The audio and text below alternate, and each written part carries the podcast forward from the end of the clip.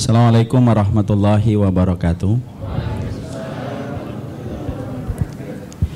Innalhamdulillah wassalatu wassalamu ala rasulillah wa ala alihi wa sahbihi wa man tabi'ahum bi ihsan ila yaumil qiyamah. Para asatidah yang ada di sini dan tidak mampu saya sebutkan satu persatu termasuk yang memberikan saya prolog dan mukadimah yang saya tidak tahu dari mana beliau mengambil sumbernya. Tapi beliau adalah orang yang saya cintai karena Allah. Dan semua para ikhwan dan akhwat yang tidak mampu saya sebutkan satu persatu yang semoga Allah rahmati ikhwan-ikhwan yang saya cintai karena Allah dan para akhwat yang dicintai oleh suaminya karena Allah. Dan kalau belum punya suami berarti harus bersabar dan ridho. Tentunya kita pertama kali bersyukur kepada Allah atas seluruh nikmat yang Allah berikan kepada kita. Karena Allah itu sempurna di dalam baiknya sempurna di dalam datnya, sempurna di dalam sifatnya, sempurna pula di dalam takdirnya. Dan baiknya Allah itu meliputi semua perkara dalam kehidupan kita, baik perkara yang besar ataupun perkara yang paling kecil. Kita diberikan kenikmatan pagi, walaupun sering sekali kita mengganti dengan kemaksiatan di waktu siang. Kita diberikan kenikmatan sore, tetapi kita sudah mengganti dengan dosa di waktu malam tapi itu pun tidak pernah menghentikan laju nikmat yang Allah berikan kepada kita. Makanan masih lezat kita nikmati, minuman masih segar membasahi kerongkongan kita, dan udara pun masih kita hirup walaupun kita ini bukan orang yang pandai membalas kenikmatan dari Allah. Tapi Allah itu sempurna dalam baiknya dan tidak ada keberuntungan yang paling besar kecuali keberuntungan kita ketika kita bersandar kepadanya dan itulah orang-orang yang beruntung pada kehidupan di dunia dan di akhiratnya. Dan kita bersyukur bukan hanya dalam kenikmatan sandang dan papan serta pangan. Karena orang yang diberikan kenikmatan itu dua.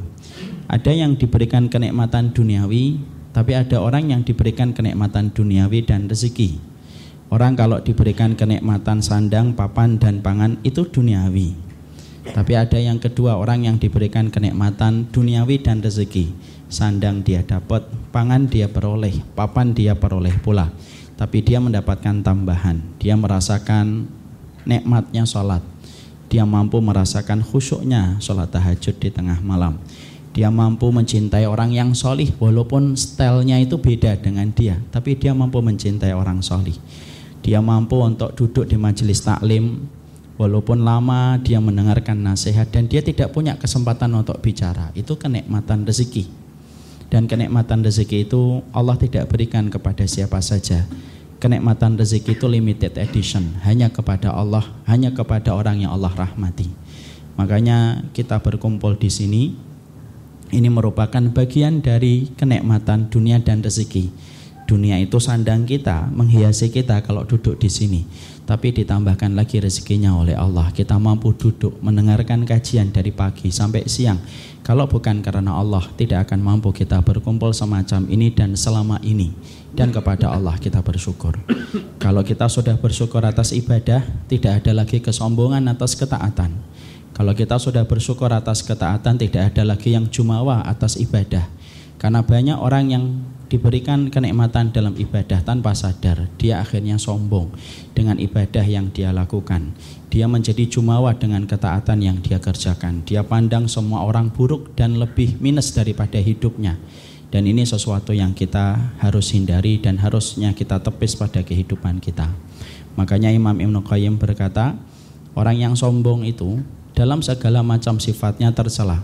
Tapi orang yang sombong itu ada tiga ada orang yang sombong dengan jabatannya, ada orang yang sombong dengan hartanya, dan ada orang yang sombong dengan ilmu dan ibadahnya.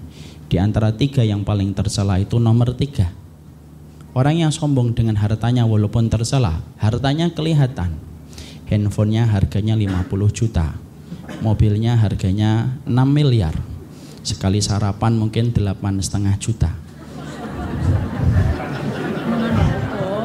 Namanya juga contoh contoh terserah saya ya.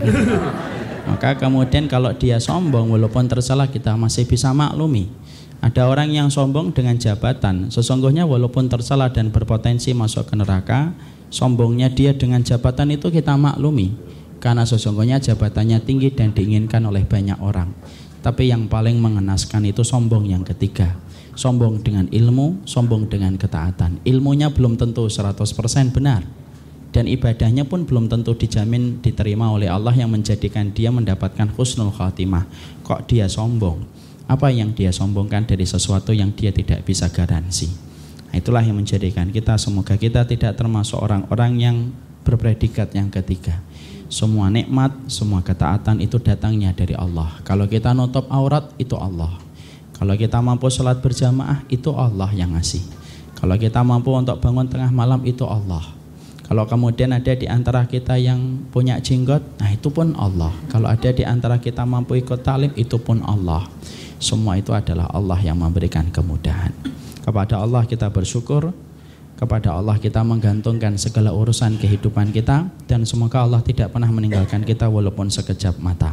Amin insyaallah kaum muslimin, ikhwan ikhwati yang semoga Allah rahmati ini pertemuan perdana saya mengisi kajian vision.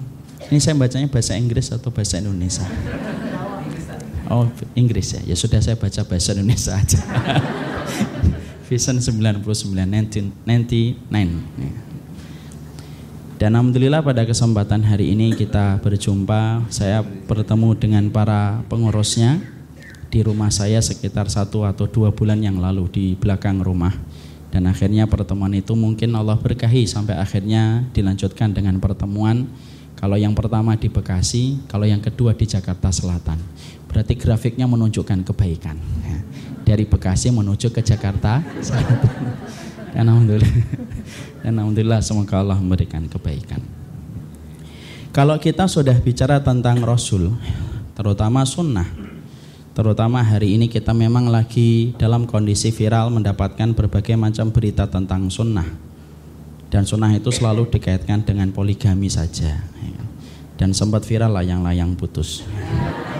Kelihatannya ini merupakan momentum yang tepat bagi kita untuk bicara tentang sunnah supaya kita faham dan supaya kita mengerti. Tentunya kita faham ketika kita mencintai Allah ada syarat yang harus kita miliki ketika kita mencintai Allah Syarat itu tidak boleh terpisah karena apabila di antara kita mencintai Allah tetapi kita tidak melaksanakan kewajiban ini, cinta kita kepada Allah itu akan menjadi mentah dan tidak akan diterima oleh Allah cinta kita kepadanya sampai kita menyempurnakan dengan komponen yang harusnya kita hadirkan. Apa komponen yang menjadi syarat sahnya kita ketika kita mencintai Allah? Ketika kita mencintai Allah itu tidak akan diterima sampai kemudian kita betul-betul mencintai Rasulullah Shallallahu Alaihi Wasallam. Makanya sampai diterangkan oleh Ibnu Abbas radhiyallahu anhu ketika beliau menyampaikan pada perkataan beliau dinukil oleh Imam Ad-Dahabi dalam kitabnya Al-Kabair. Hunaka salasu ayatin nuzilat latuk bal wahidatum minha ila biqariniha maka Ibnu Abbas itu berkata ada tiga pengamalan pada Al-Quran yang tidak akan diterima tiga pengamalan itu sampai kita menyertakan tiga amal penyertanya. Apa itu? Yang pertama, sholat kita tidak akan diterima oleh Allah sampai kita membayar zakat. Makanya bertebaran di dalam Al-Quran Akimus sholata wa atus zakah Kenapa sholat itu selalu bergandengan dengan perintah membayarkan zakat? Karena sholatmu tidak akan pernah melewati kerongkonganmu diterima sama Allah sampai kamu membayarkan zakat secara sempurna. Ada orang sholat khusyuk netes air mata, tapi pundi-pundi hartanya tidak pernah dia keluarkan di jalan Allah. Sholatnya tidak akan menjadikan malaikat rokib untuk mencatat pahala. Yang kedua, yaitu adalah syukurnya kita kepada orang tua tidak akan pernah diterima sampai kita bersyukur kepada bersyukurnya kita kepada Allah tidak akan diterima sampai kita bersyukur kepada Allah. Makanya Allah menggandingkan perintah syukur itu sebagian pada ayatnya dengan perintah untuk berterima kasih dan bersyukur kepada orang tua. Kalau ada seorang manusia, teman dan sahabat kita menepuk dada, saya bersyukur sama Allah. Dengan apa? Ketaatan. Tapi ketika mengatakan bersyukur, ibu kita meneteskan air mata, bapak kita sedih, tidak akan diterima syukurnya kita kepada Allah sampai kering air mata ibumu dan sampai kering kesedihan yang menyapa hati bapakmu. Karena langit tidak pernah dibuka kepada orang yang mengatakan syukur kepada Allah tetapi dia tidak berterima kasih kepada ibu dan bapaknya. Yang ketiga, yaitu adalah taatnya kita dan imannya kita kepada Allah tidak akan diterima sampai kemudian kita taat dan beriman kepada Rasulullah sallallahu alaihi wasallam. Makanya bertebaran ayat di dalam Al-Qur'an atiullaha wa atiur rasul. Taatlah kepada Allah dan taatlah kepada Rasul. Itu menunjukkan kepada kita bahwasanya kalau ada orang yang mengatakan dirinya beriman kepada Allah sebagaimana Yahudi dan Nasara, mereka mengaku bahwasanya mereka beriman sama Allah. Tapi kenapa iman Yahudi dan Nasara tidak pernah diakui oleh Allah dan tidak pernah diterima oleh Allah keimanan mereka berdua? Sesungguhnya karena simpel, mereka tidak mau untuk mentaati Rasulullah dan tidak mau beriman kepada Rasulullah. Dijadikan iman Yahudi mentah, dijadikan imannya Nasara itu mentah karena mereka tidak mau mentaati Rasulullah Sallallahu Alaihi Wasallam. Di situlah kita faham ternyata kedudukan kita mencintai Rasulullah Sallallahu Alaihi Wasallam itu sangatlah besar. Bahkan saking gedenya bagaimana kedudukan kita ketika mencintai Rasulullah. Salah satu penyesalan paling besar manusia ketika di akhirat itu bukan berzina. Salah satu penyesalan paling besar manusia itu ketika di akhirat bukan karena mencuri. Penyesalan paling besar manusia itu ketika mereka di akhirat itu bukan karena mereka membunuh tetapi penyesalan yang paling besar yang dirasakan oleh manusia ketika mereka di akhirat itu adalah karena mereka tidak mengikuti Rasulullah. Wa dhalimu alayyati yaqulu ya laitani takhattu rasuli sabila. Makanya sampai Allah sampaikan salah satu fragmen yang terjadi di akhirat. Ketika orang-orang yang dolim itu sembari menggigit jari-jari mereka dan berkata, cobalah dulu kami mengikuti Rasulullah dan menjadikan Rasulullah itu jalan kehidupan kami. Orang yang berzina tidak sampai menggigit jarinya ketika mengatakan, "Kenapa saya dulu berzina?" Orang yang mencuri tidak sampai dijadikan mereka menggigit jarinya sampai mengatakan, "Kenapa dulu saya mencuri?" Kenapa? Karena penyesalan orang yang berzina, penyesalan orang yang mencuri masih kalah dengan penyesalan besarnya kita. Ketika kita akhirnya nanti menyesal, tidak ada jalan yang paling menyelamatkan kita kecuali ngikutin Rasul dan barulah sadar ternyata kehidupan kita hanya mengenal Rasulullah tetapi tidak menjadikan Rasulullah menjadi jalan kehidupan kita. Dan itulah penyesalan yang paling besar. Makanya itulah yang menjadikan akhirnya kita mengerti ternyata mencintai Rasulullah itu perkara pokok dalam kehidupan agama kita. Dan itulah yang menjadikan iman kita menjadi sempurna. Seorang sahabat Nabi sampai mereka mendapatkan gelar radhiyallahu anhu wa anhu itu disebabkan karena mereka mencintai Rasulullah dengan benar. Di situlah akhirnya kita mendapatkan penjelasan pada surat Ali Imran ayat ke-31. Kul in kuntum tuhibbunallaha fattabi'uni yuhibbukumullah wa yaghfir lakum dunubakum wallahu ghafurur rahim. Ayat ini Ali Imran 31 disebut para ulama terdahulu dengan kata-kata ayatul imtihan, ayat ujian. Kenapa surat Ali Imran 31 disebut dengan ayat ujian? Karena sesungguhnya banyak orang yang akan gugur ketika mencintai Rasulullah kalau mereka akan merenungkan ayat ini. Arti ayat ini Allah menyampaikan, "Kul katakanlah wahai Muhammad, kalau kaummu dan orang-orang yang mengikuti itu, orang manusia itu, ingin mengatakan beriman apa mencintai Allah, katakan kepada mereka, kalau mereka mencintai Allah, syaratnya fattabi'uni, maka ikutilah aku, ikutilah Rasulullah. Siapa yang mengikuti Rasulullah lalu kemudian diberikan jaminan dan garansi. Yuhibbukumullah, dia akan dicintai oleh Allah. Wa yaghfir lakum dunubakum dan dia itu akan diampuni oleh Allah. Wallahu ghafurur rahim dan Allah itu Maha Pengampun lagi Maha Penyayang. Yang unik, mari kita lihat ayat ini. Kenapa Allah menutup ayat ini dengan kata ghafurur rahim? Ghafur itu maha pengampun, rahim itu maha penyayang. Kenapa Allah tidak menutup ayat ini dengan kata-kata wallahu sami'an sami'um basir? Kenapa Allah tidak menutup ayat ini dengan kata wa Allahu aliman hakimah? Kenapa Allah tidak mengatakan syadidul adab? Tapi Allah menutup ayat ini surat Ali Imran 31 dengan kata wallahu ghafurur rahim. Allah itu maha pengampun lagi maha penyayang dan dijelaskan oleh Syekh Husaimin. Karena barang siapa yang ingin mencari sifat gofurnya Allah, sifat gofurnya Allah itu paling kelihatan kalau kita sudah ngikutin Rasulullah, maka Allah paling banyak akan mengampuni dosa kita. Kalau ada di antara kita ingin mencari sifat rahimnya Allah, kasih sayang Allah. Sifat kasih sayang Allah itu paling kelihatan kepada orang yang mengikuti Rasulullah. Makanya orang kalau sudah ngikutin Rasulullah diberikan jaminan dan garansi dua. Dia akan diampuni dosanya oleh Allah. Dan kemudian dia itu akan diberikan oleh Allah rahmat karena rahmat dan ampunan Allah membersamai kepada mereka yang berhasil mencintai Rasulullah. Nah, di situlah kita faham. Itulah pokok dalam kehidupan akidah kita beriman kepada Allah dan Rasul. Setelah kita mengetahui itu, pertanyaan kita, mencintai Rasulullah itu terus bagaimana? Karena mencintai orang yang tidak pernah kita lihat itu susah. Kalau kita disuruh mencintai istri kita lebih gampang, kelihatan kok. Istri saya cantik luar biasa. Bagi saya, ya. Orangnya lembut, kalau tidak ngambek. Masakannya enak, tutur katanya juga baik. Kalau saya disuruh mencintai istri saya gampang. Karena memang kelihatan setiap waktunya bagaimana senyumannya selalu menawan hati saya. Asik. nggak jadi layang-layang putus kalau kayak gini. Maka kemudian lebih mudah. Kalau kemudian ada seorang wanita disuruh mencintai suaminya lebih mudah. Suaminya baik, gagah. Kalau pulang bawa martabak, kan? Kemudian di akhir bulan rela berbagi nafkah untuk kepada istrinya dan suami kita dicabut sifat bakhilnya. Dia bakhil sama teman tapi tidak bakhil sama istri. Suami kita itu tidak pernah bakhil Neraktir istri bertahun-tahun tidak pernah ngomong. Kok bertahun-tahun saya traktir kamu ya? Tidak pernah. Akhirnya seorang wanita ketika dia jatuh cinta kepada suami itu lebih mudah kelihatan.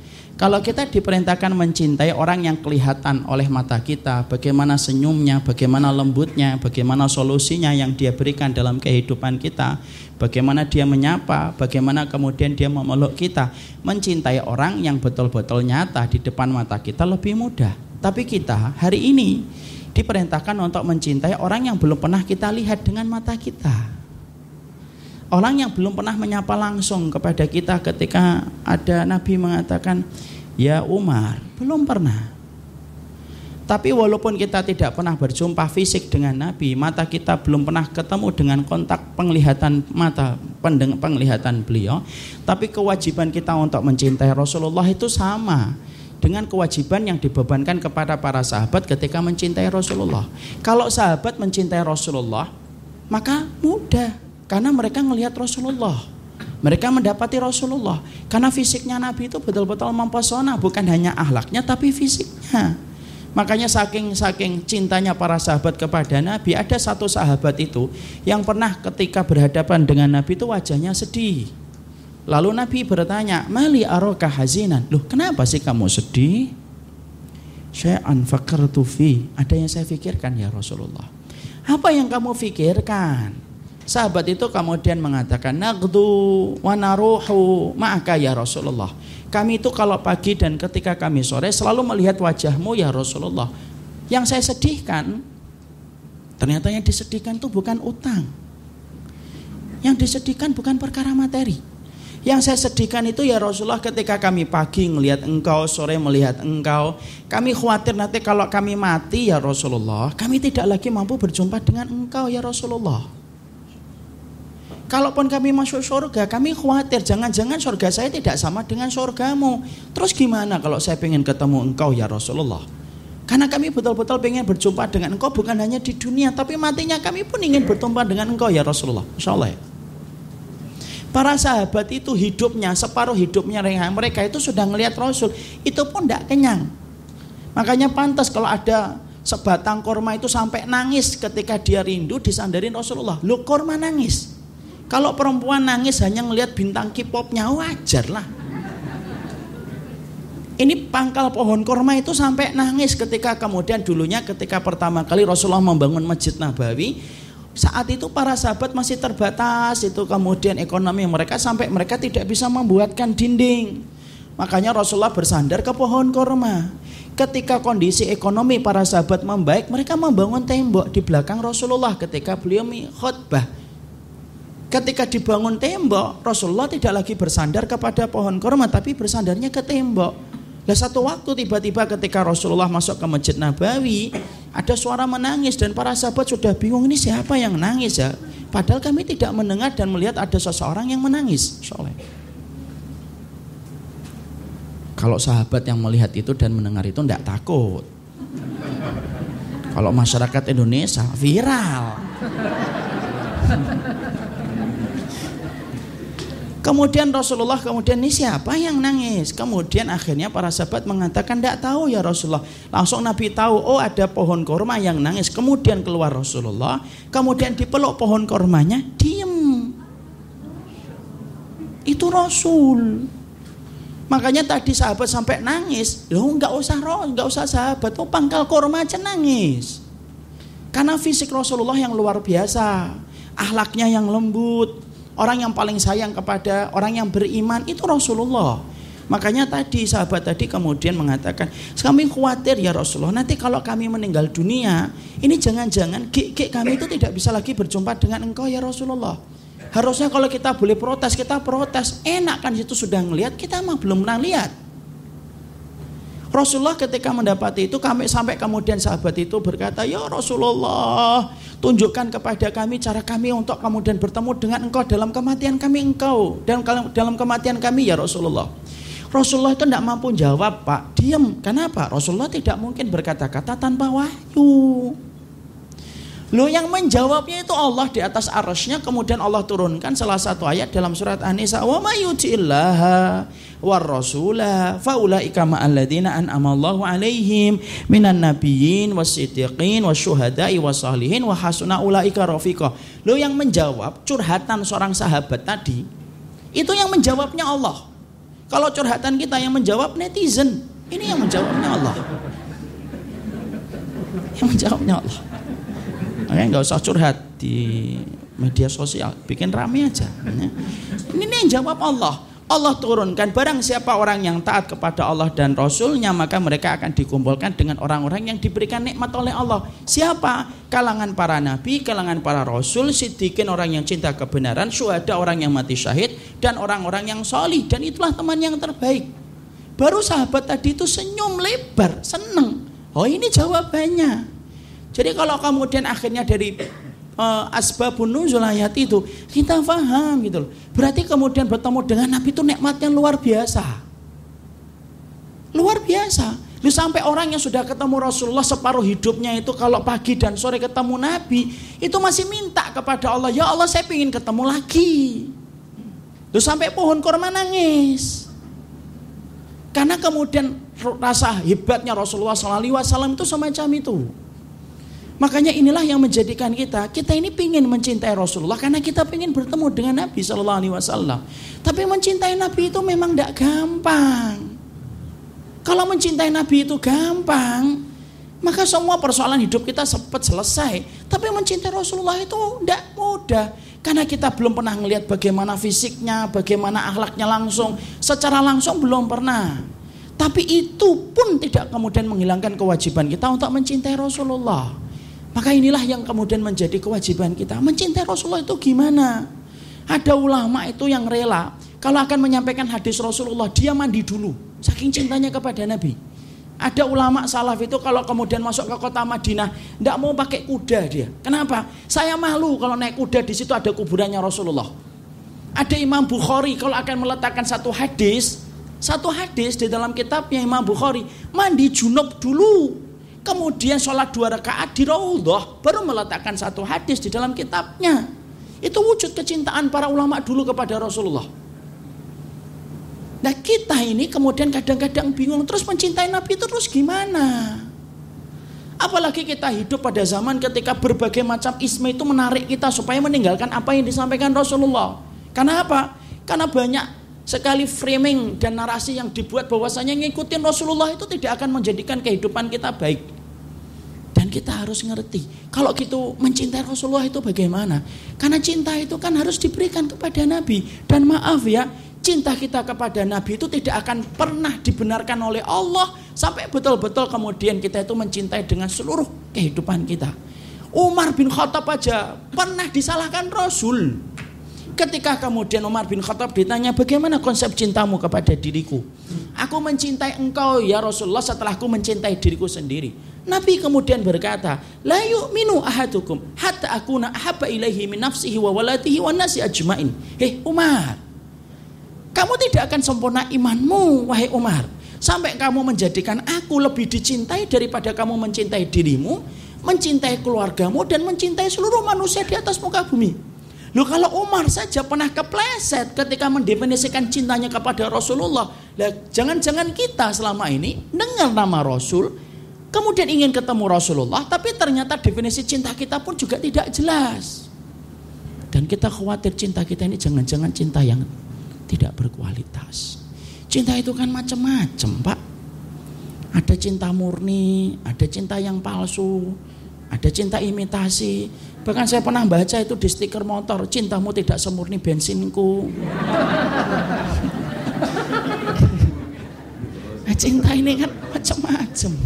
Maka kalau kemudian kita akhirnya mengetahui bahwasanya cinta itu macam-macam, berarti kemudian kita harus mengetahui bagaimana sih wujud cinta kita kepada Rasulullah SAW supaya benar, supaya betul-betul akan mempertemukan kita dengan Rasulullah. Karena Nabi itu akan menunggu kita dalam sebuah telaga yang disebut dengan telaga Al-Kautsar.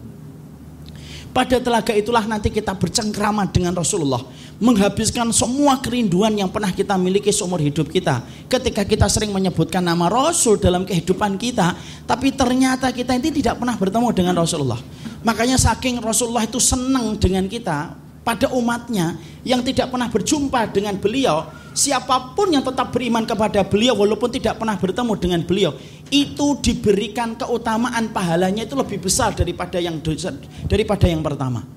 Makanya ada sahabat Tolha itu masih kemudian dalam peperangan selesai peperangan itu pedangnya masih berlumuran dengan pedang dengan darah Kemudian beliau Tolha ini berkata kepada Rasulullah, Hal bagi ahadun khairum minna ya Rasulullah. Apa? Ada orang yang amalnya lebih utama daripada amal kami ketika dilipat gandakan ya Rasulullah. Aslamna, kami berislam, wajahatna dan kami berjihad. Rasulullah kemudian mengatakan, Bala, ada orang yang pahalanya nanti dilipat gandakan lebih besar. Qawmun yu'minu nabi walam yarawni. Orang yang mereka beriman kepadaku walaupun mereka tidak pernah berjumpa dengan diriku. Nah di situlah kemudian akhirnya kita paham berarti persoalan mencintai Nabi itu persoalan gede.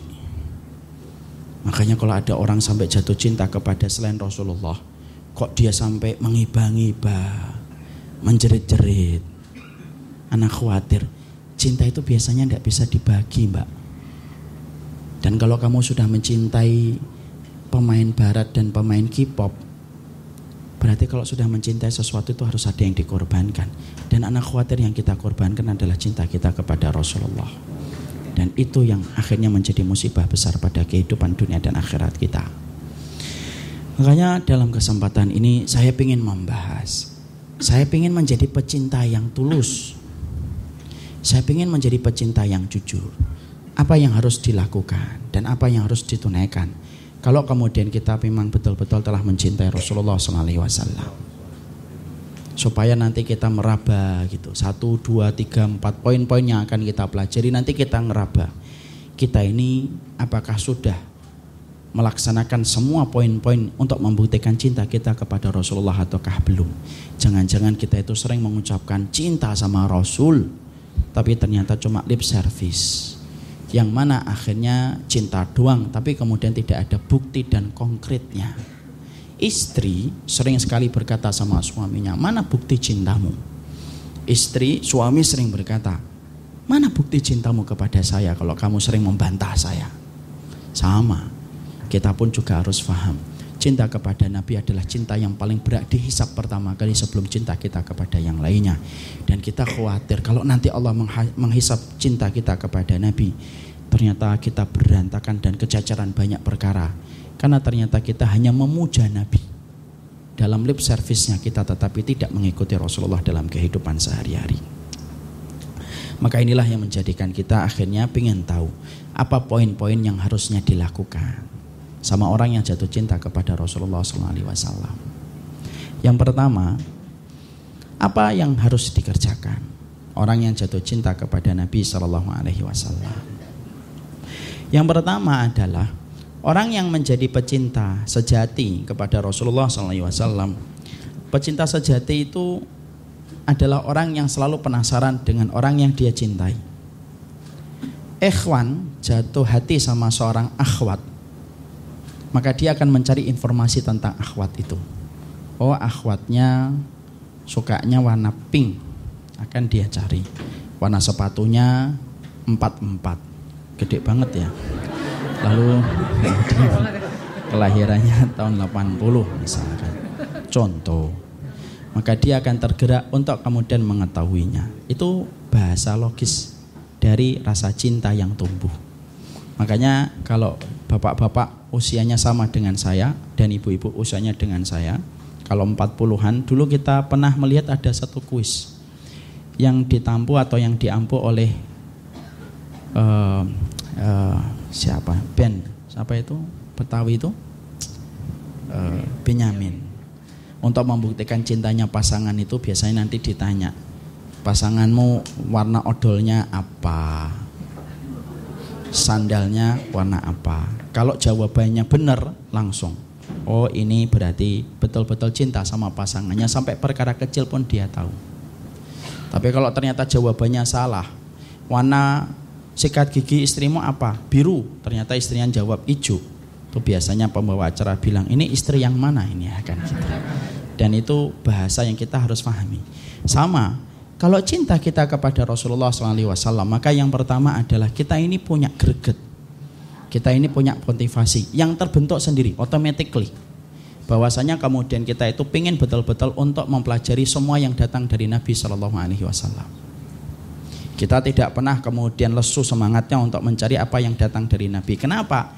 Hakikat cinta itu secara otomatis menjadikan kamu bersemangat untuk tahu tentang orang yang kamu cintai.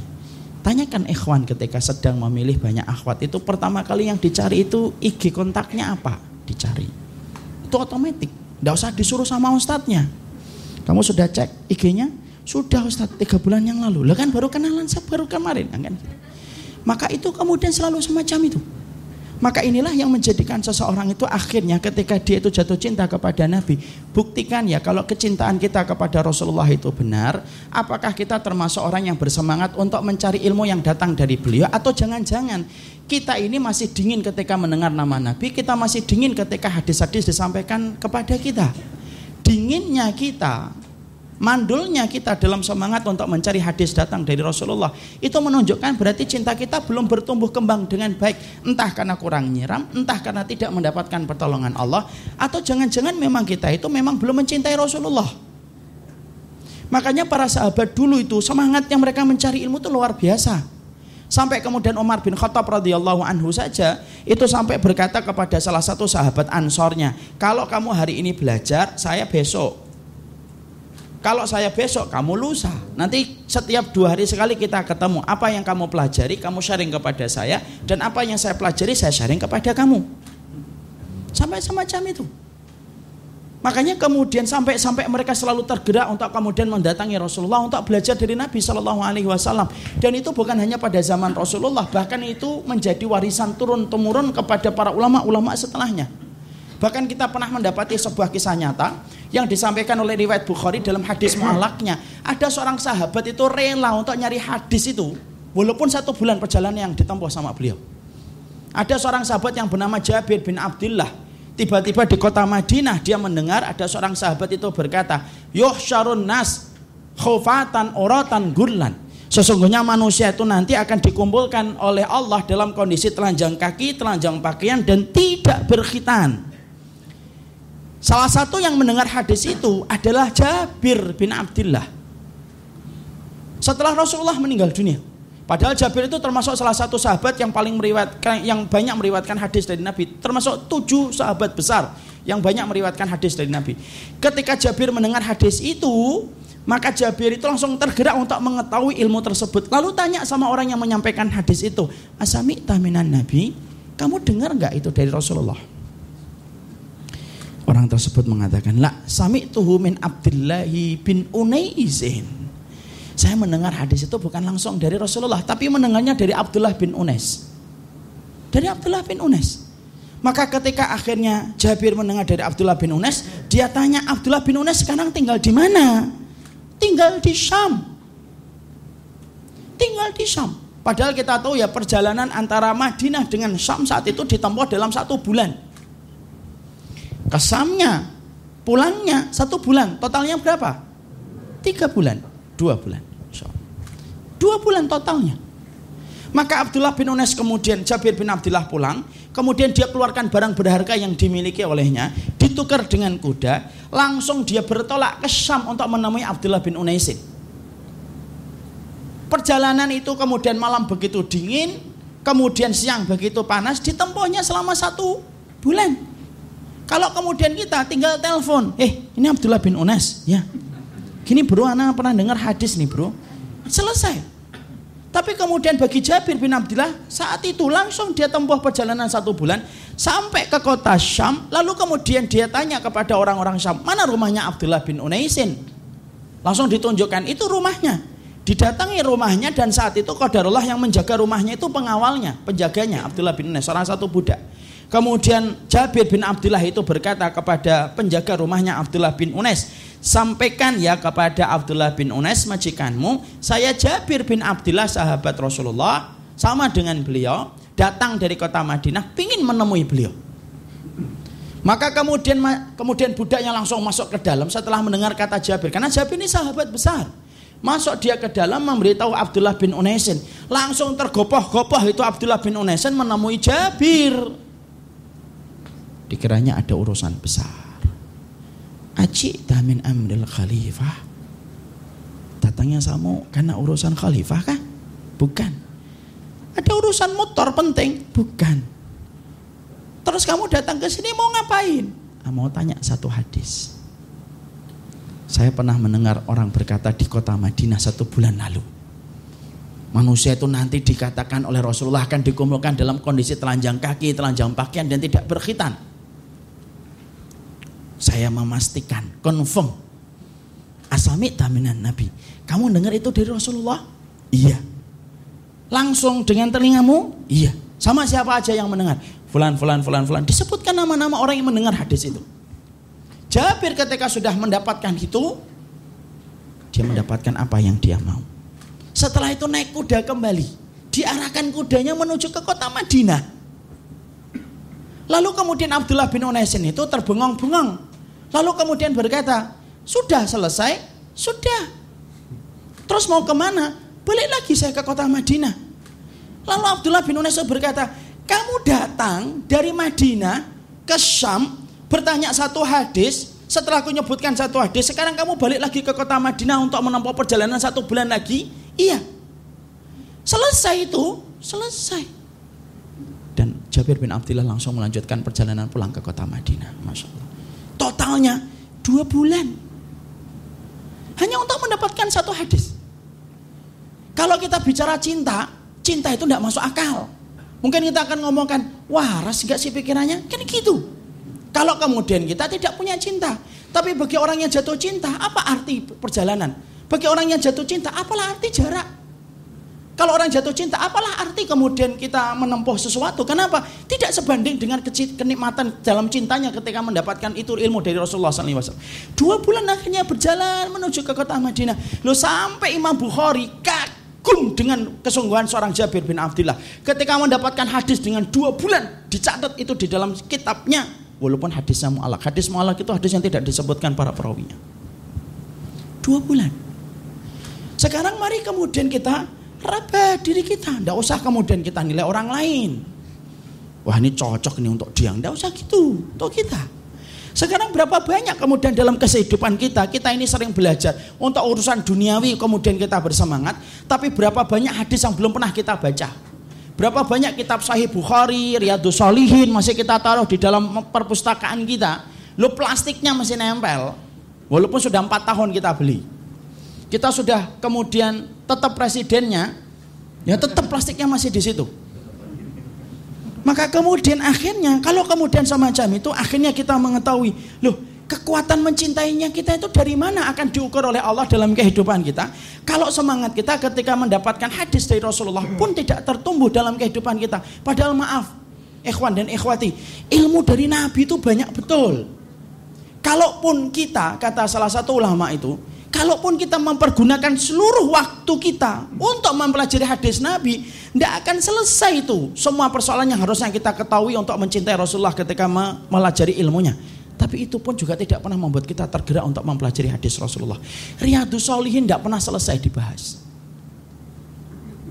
Hadis arba'in saya juga belum tahu apakah kalian sudah selesai nggak itu hadis arba'in dibaca.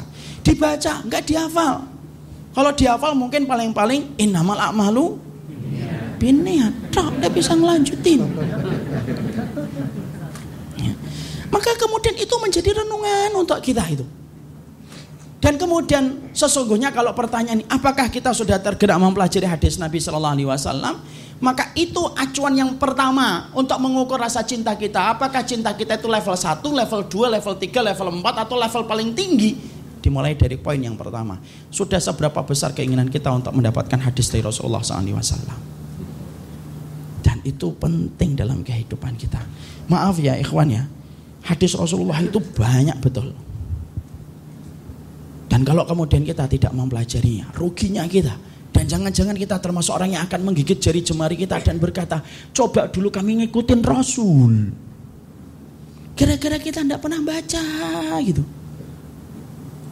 Tahukah kita, syariat sunnah itu bukan hanya sholat, bukan hanya puasa, bukan hanya zakat, bukan hanya haji dan umroh.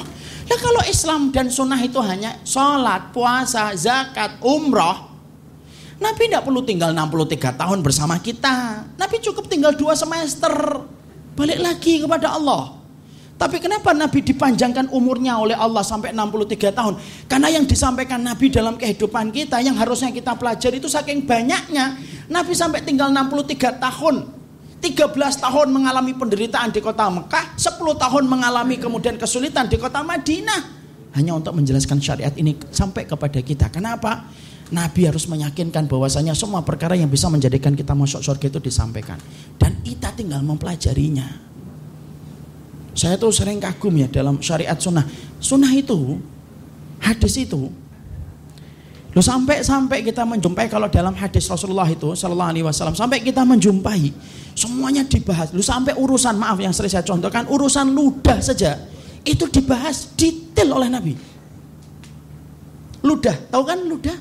Ludah itu sesuatu yang sifatnya penting ketika masih di mulut. Tapi kalau sudah kita ludahkan cu, sudah menjadi tidak berharga. Ada nggak orang yang habis berludah dua jam balik lagi? Ludah saya tadi mana ya Pak? Ada. Tapi tahukah kita urusan ludah itu syariat sunnahnya banyak. Itu untuk mengukur diri kita nanti kalau kita tidak pernah belajar hadis itu yang rugi tidak siapa pun tapi kita. Apa yang dibahas dalam ludah? Yang pertama kita bahas ya, ludah itu satu. Kita tidak boleh di dalam hadis dijelaskan tidak boleh beludah ke arah Ka'bah. Satu. Kenapa orang yang beludah ke arah Ka'bah nanti akan kembali ludahnya kepada dirinya. Pada waktu hari kiamat. Nanti hari kiamat itu ada orang yang banyak ludahnya. Gara-gara menghadap ke arah Ka'bah ketika beludah. Makanya pastikan kalau mau beludah lihat dulu kompasnya. Sana. Satu, ludah. Selesai? Belum. Ditambah lagi ludah yang kedua. Apa urusan ludah yang kedua? Yang kedua kalau kemudian kita sakit, kemudian kita disunahkan kalau kita sakit, sebelum kita minum pil, sebelum kita obat kimiawi, maka disunahkan kita itu berobat dengan tawasul melalui ludah. Apa itu?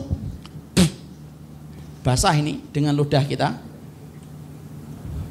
Tempelkan ke muka bumi. Tanah-tanah yang menempel di situ diusapkan ke bagian tubuh yang terasa sakit. Kalau sakitnya di dada, sembari membaca doa, Bismillah, turbatu ardina, biriqati ba'dina, yushfa saqimuna, bi'idni rabbina. Dengan tanah bumi kami menyembuhkan sebagian penyakit dari kami dengan izin dari Rob kami. Ludah nempel. Kalau sakit sini, tempelkan sini. Kalau yang sakit sini, tempelkan sini. Kalau yang sini, ini biasanya utang. Tempelkan ke sini. Itu ludah. Saya kalau tanya nanti kemudian kalau saya tanya doanya saya nggak akan nanya. Saya khawatir saya kecewa tidak mendapatkan ada yang hafal. Itu dua. Ludah selesai belum.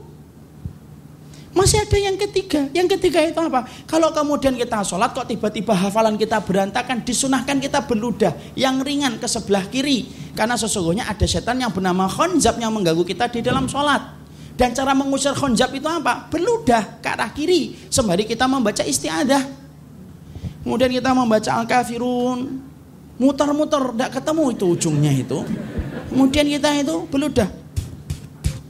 A'udzu billahi minasyaitonir rajim. Insya Allah, kalau yang mengganggu kita khanzab, Allah balikan kembali itu hafalan kita. Saya sudah membaca dan sudah beludah ke situ, Ustaz. Kok nggak balik? Ya berarti bukan seton. Berarti kita banyak maksiat. Mungkin setannya ngeliatin gitu. Nyalain kita, memang kamu buruk hafalannya gitu. Itu tiga. Belum selesai. Yang keempat, urusan ludah. Yang keempat itu apa? Mimpi buruk. Bangun. Jangan cerita mimpi buruk itu kepada orang. Kenapa kita tidak boleh cerita mimpi buruk kepada orang? Karena mimpi buruk itu datang dari setan. Jangan menjadi PR-nya setan untuk menceritakan mimpi buruk kamu kepada orang lain. Bangun mimpi buruk, maka kita beludah lagi. Tuh, ludah lagi. Beludah ke kiri, ringan saja. Dan pastikan istrinya tidak ada di sampingnya. Itu Tidak usah banyak-banyak. Tidak usah oh, gitu, nggak usah. itu yang keempat. Itu urusan ludah, itu nomor empat. Selesai? Belum. Masih ada yang kelima. Urusan ludah itu apa? Kalau kita punya anak, diteknik. Makanlah korma, kemudian campurkanlah korma kamu dengan air ludah kamu, masukkan telunjukmu.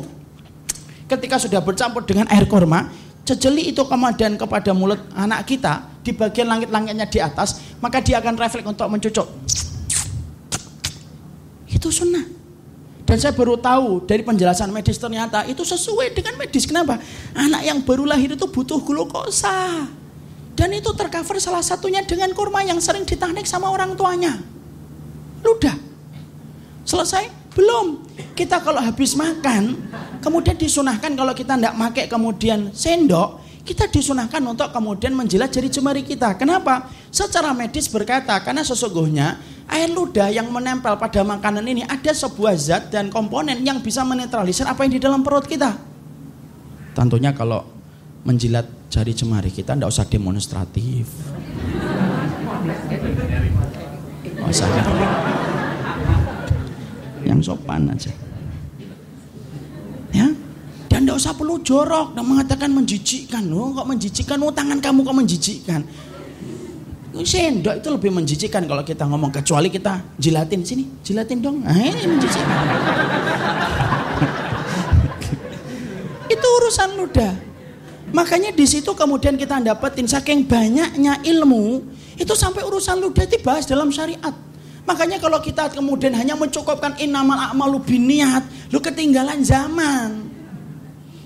Kita kalau pakai laptop sekarang, kalau kemudian pakai Pentium 1, diketawain orang.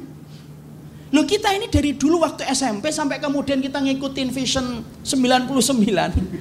Loh masih hadis saya nama lama lu biniat coba. Dan tidak pernah nambah. Loh terus bukti cinta kita kepada Nabi itu terus yang mana? Kalau kemudian tidak ada komitmen kita untuk mempelajari hadis Rasulullah. Beli kitabnya aja tidak pernah. Beli buku Chicken Shop for the Soul, beli. Tapi hadis Rasulullah tidak beli. Do you know chicken soup for the soul? beli buku-buku barat beli. Dipajang di perpustakaannya itu. Semuanya pakai bahasa Inggris. Padahal juga kemudian belum tentu dia paham artinya. Tapi kemudian ternyata kemudian kita bersemangat. Hadis Rasulullah itu tidak pernah dipelajari. Maaf ya kita ini sedang menertawakan diri kita sendiri sebenarnya Gak usah iya iya, sudah memang iya. Jadi ternyata sesungguhnya ukuran kita untuk kemudian mencintai Rasulullah, ini saya sebenarnya tuh mau protes ini. Ini judulnya tidak benar ini, sehari bersama Rasulullah. Mana bisa kita sehari sama Rasulullah, seumur hidup kita sama Rasul.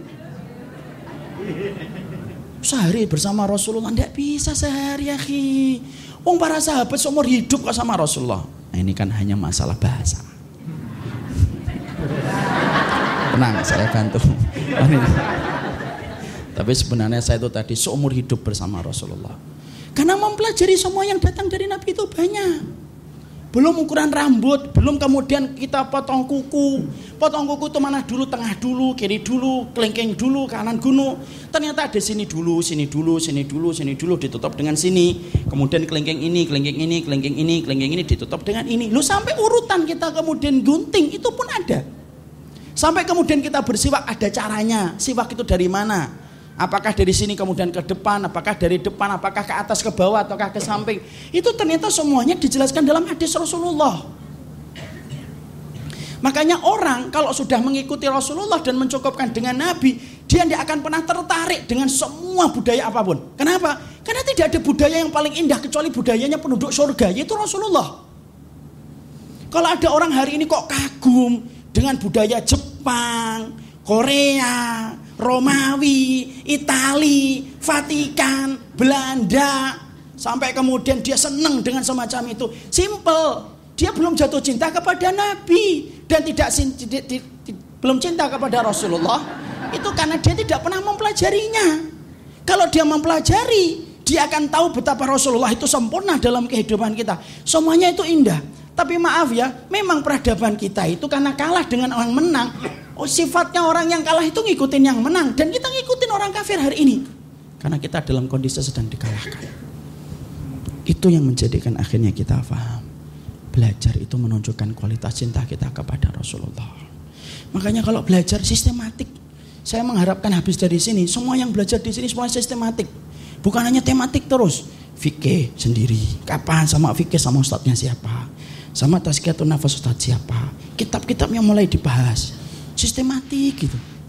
Supaya akhirnya nanti kita ngerti grade-nya kita itu belajar sudah sampai mana. Hadis mana saja yang sudah dikaji, Riyadus Solihin, dicoret, oh ini sudah, dicoret lagi ini sudah. Semuanya oh satu kali sudah dibahas lagi satu kali supaya menunjukkan kadar kualitas cinta kita kepada Nabi supaya bertambah. Jangan kemudian pengajian itu tidak sistematik. Pokoknya tematik terus gitu. Sampai tiga tahun, empat tahun juga kemudian akhirnya bingung sendiri. Sudah belajar berapa lama tikut taklim? Lima tahun. Apa saja yang dipelajari? Nah itu saya juga bingung apa aja yang dipelajari. Dan itu tidak perlu terjadi. Itu yang pertama. Mempelajari Rasulullah, sunnah dan hadisnya. Kalau antum nanti bertanya, Ustadz hadis apa yang saya harus pelajari? Yang saya pelajari itu adalah pertama mungkin Riyadus Solihin. Selesaikan dulu. Habis Riyadus Solihin, hadis Arba'in. Nanti selesai Jamuk Lulum Wal Hikam Nanti kalau boleh saya ngasih kepada panitia hadis-hadis apa yang harus kita urutkan untuk dipelajari. Dan itu yang pertama. Yang kedua, apa yang kemudian kedua di dalam menunjukkan komitmen kita untuk mencintai Rasulullah Shallallahu Alaihi Wasallam. Komitmen kita ketika mencintai Rasulullah Shallallahu Alaihi Wasallam yaitu adalah bagaimana kita mengamalkan apa yang telah kita pelajari dalam kehidupan. Bangga ketika kita mengamalkan sunnah pada kehidupan kita. Maaf ya, masih banyak di antara kita itu yang belum paham definisi sunnah. Sebelum saya menjelaskan definisi sunnah, saya harus sampaikan sunnah itu bukan milik kelompok. Sunnah itu bukan milik golongan. Sunnah itu komitmen kita ngikutin Rasulullah. Siapa pun yang punya komitmen ngikutin Rasulullah berarti dia sunnah. Walaupun teman-temannya mengatakan kamu bukan sunnah, tidak apa-apa. Sunnah itu satu kewajiban yang kita pertanggungjawabkan di hadapan Allah. Sunnah itu bukan pengakuan mulut manusia. Karena ada kan kadang-kadang ikhwan, contohnya sering saya mendapatkan ikhwan itu curhat sama saya, Ustadz, saya disebut orang yang nggak sunnah Ustadz. Kenapa? Yang ngajinya sama Ustadz ini sama Ustadz ini, termasuk sama antum juga, ternyata bukan sunnah. Tidak apa-apa. Sunnah itu bukan menuntut pengakuan manusia Sunnah itu ibadah kita kepada Allah ngikutin Rasul. Nah saya tanya sama beliau, antum pingin nggak membantah Rasulullah? Enggak. Antum pingin nggak kehidupan antum diatur dengan Rasulullah? Iya. Walaupun antum mengakui ada banyak kekurangan dalam hidupnya antum, iya. Tapi antum menjadikan Nabi itu menjadi panutan? Iya Ustaz. Berarti antum sunnah. Sunnah itu bukan milik kelompok dan golongan. Sekarang itu semuanya gitu diberikan ada lift-lift sunnah. Ini lift bukan sunnah, itu bingung saya toko sunnah dan bukan bukan sunnah. Bukan gitu, dia bukan label. Pernah nggak sahabat dulu mengatakan ini ontanya onta sunnah, yang ini tidak sunnah? Tidak pernah. Maka kemudian kalau kita betul-betul ini paham, sunnah itu apa? Ma'udhifa ila rasul min qaulin au fi'lin Dan yang namanya sunnah itu apa pun yang datang dari Nabi dan dicontohkan Nabi. Perkataan dan perbuatan serta ketetapan yang dicontohkan dari Rasulullah itulah yang dinamakan sunnah.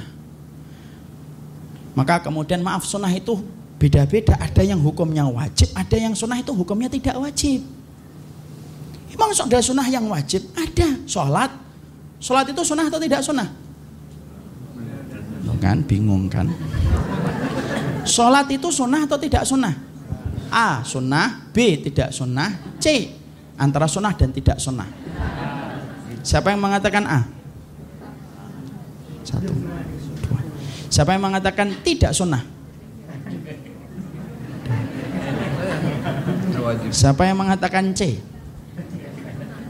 Kayak gini nih yang bikin saya sering patah semangat kalau dakwah ini Sholat itu sunnah. Karena yang mencontohkan Rasulullah. Tapi hukumnya wajib atau tidak wajib? Itu dong cara jawabnya. Ini lama ngaji berapa tahun sih ini? Pakai jilbab, sunnah atau tidak sunnah? Sunnah, tapi hukumnya wajib atau tidak wajib? Kalau cadar, sunnah Nabi atau tidak sunnah Nabi? Tapi hukumnya wajib atau mustahab? Ada yang mengatakan mustahab, ada yang mengatakan tidak mustahab. Gitu. Jadi masalah pakai cadar dan tidak pakai cadar tidak ada masalah. Itu hukumnya beda-beda. Istri saya pakai cadar, tapi tidak mengatakan itu wajib, mengambil pendapat yang mustahab sunnah. Ada teman saya, dia pakai cadar istrinya, tapi mengatakan yang wajib. Yang menjadi persoalan bukan yang bercadar. Yang menjadi persoalan itu yang kalau pakai cadar tidak pakai jilbab. Nah, itu jadi persoalan.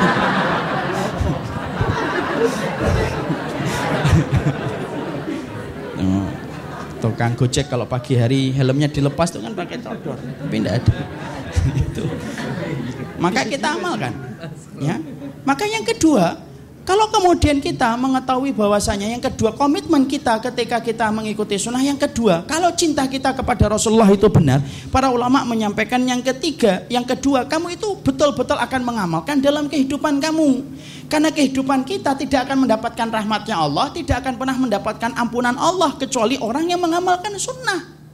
Jadi bukan hanya dipelajari tapi mulai diamalkan pada kehidupan kita sehari-hari. Dan maaf ya, pasti sunnah itu kemudian menyelesaikan dan memberikan solusi dalam kehidupan kita. Ini saya ambilkan kisah nyata yang betul-betul saya dan mendiang ibu itu mendapatkannya.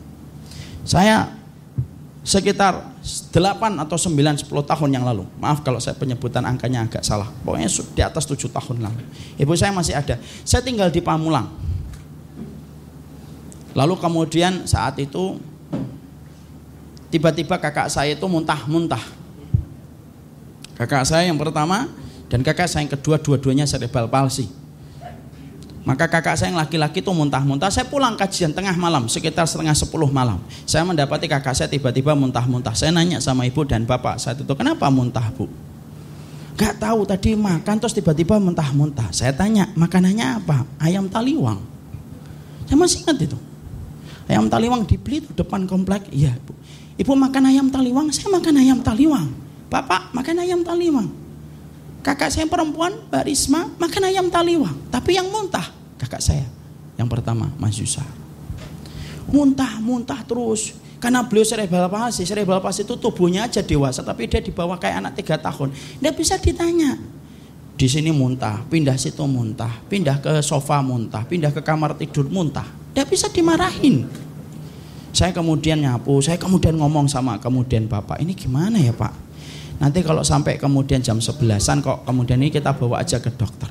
Bawa ke dokter karena masih muntah. Pulang dari dokter di depan komplek perumahan saya ada dokter 24 jam.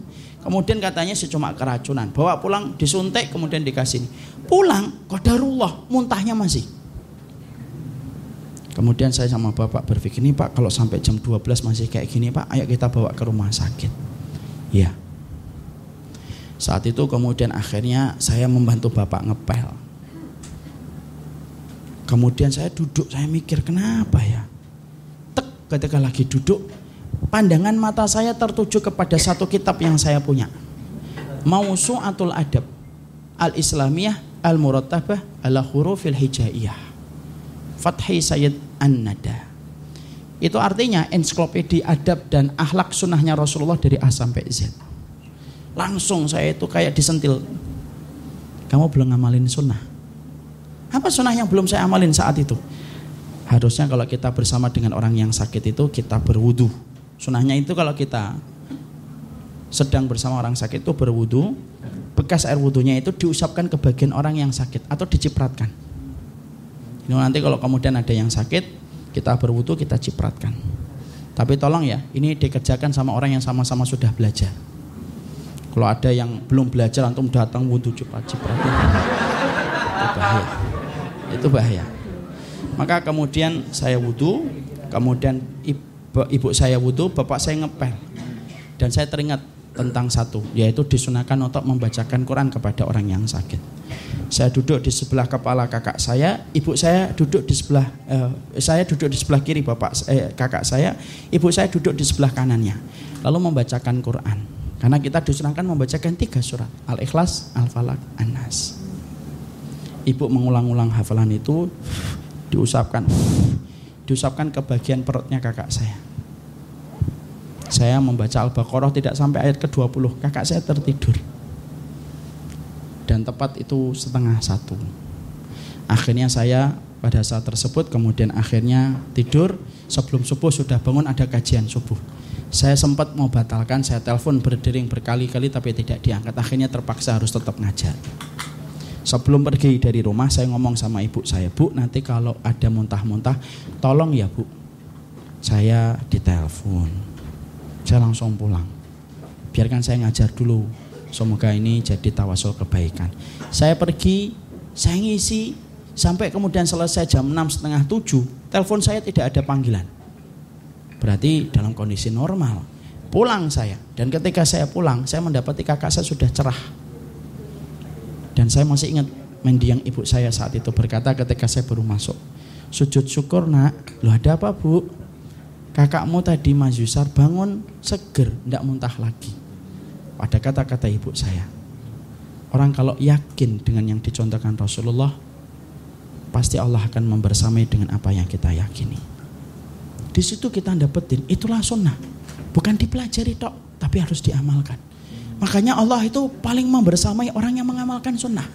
Bisa jadi ada amalan sunnah, jangan diremehkan. Jangan suka mengatakan, lah cuma sunnah aja. Jangan gitu. Karena bisa jadi ada amalan yang kita remehkan, tapi bisa jadi justru amalan yang kita remehkan itu justru itulah yang akan menjadikan kita itu dimasukkan oleh Allah ke surga.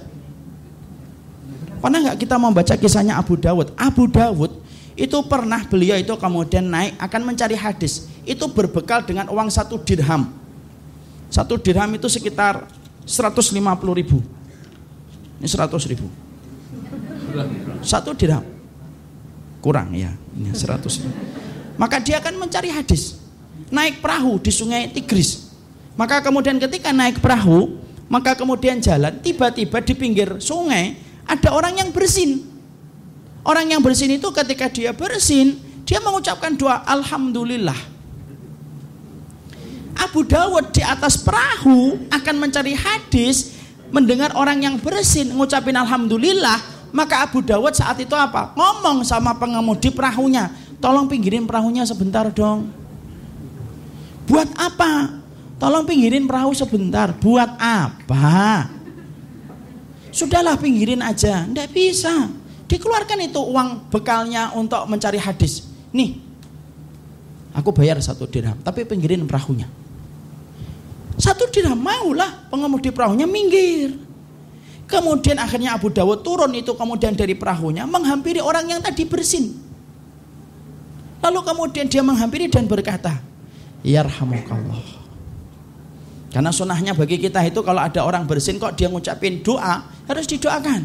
Kalau dia bersin diam tidak usah didoakan. Mau dia aja nggak mendoakan dirinya sendiri kok kita mendoakan. Makanya kalau ngucapin alham kalau bisa bersin itu ngucapin alhamdulillah itu agak keras.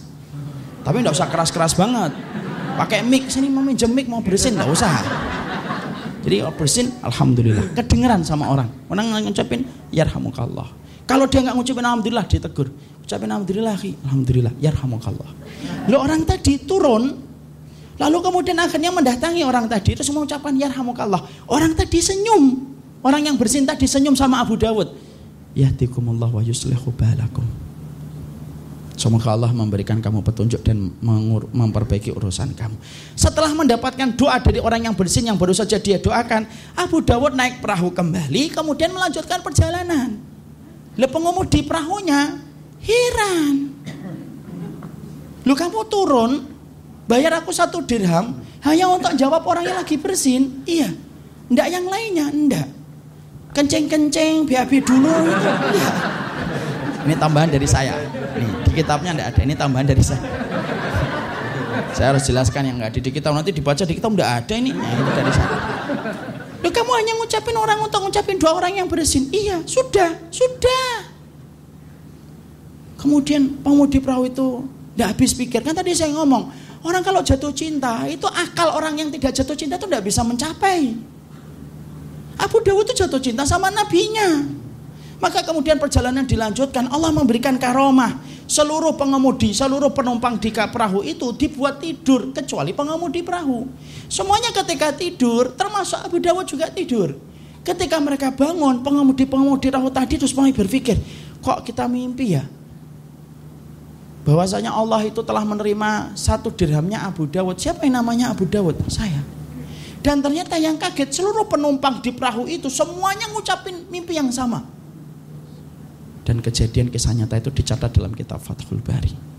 Apa yang didapatkan? Satu dirham. Tapi Allah membalasnya kontan dengan surga ketika dia menjawab orang yang bersin. Makanya sekarang kalau ada orang bersin langsung dicari. Mana ya bersin-bersin? itu sunnah. Jadi jangan kemudian sedikit-sedikit sunnah, ini halah cuma sunnah. Halah cuma sunnah. Halah cuma sunnah. Jangan gitu. Kalau mampu mengerjakan kita kerjakan.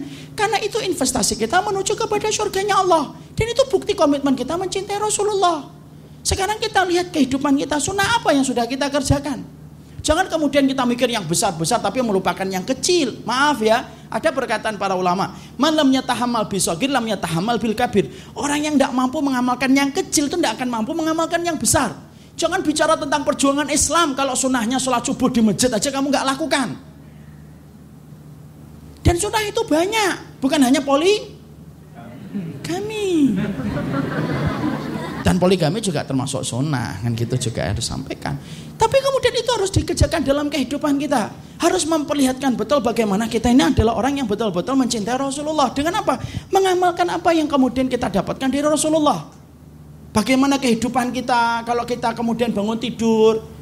Bagaimana Rasulullah kalau bangun tidur diceritakan Rasulullah kalau bangun tidur dalam riwayat Muslim Rasulullah kalau bangun tidur duduk tidak langsung berdiri akhirnya secara medis terjawab kenapa kok orang kalau bangun tidur jangan langsung berdiri supaya tidak migrain Rasulullah itu kalau bangun dari tidurnya duduk dulu, diusap wajahnya, kemudian melihat langit-langit atap rumahnya, kemudian membaca sepuluh ayat yang terakhir dalam surat Ali Imran.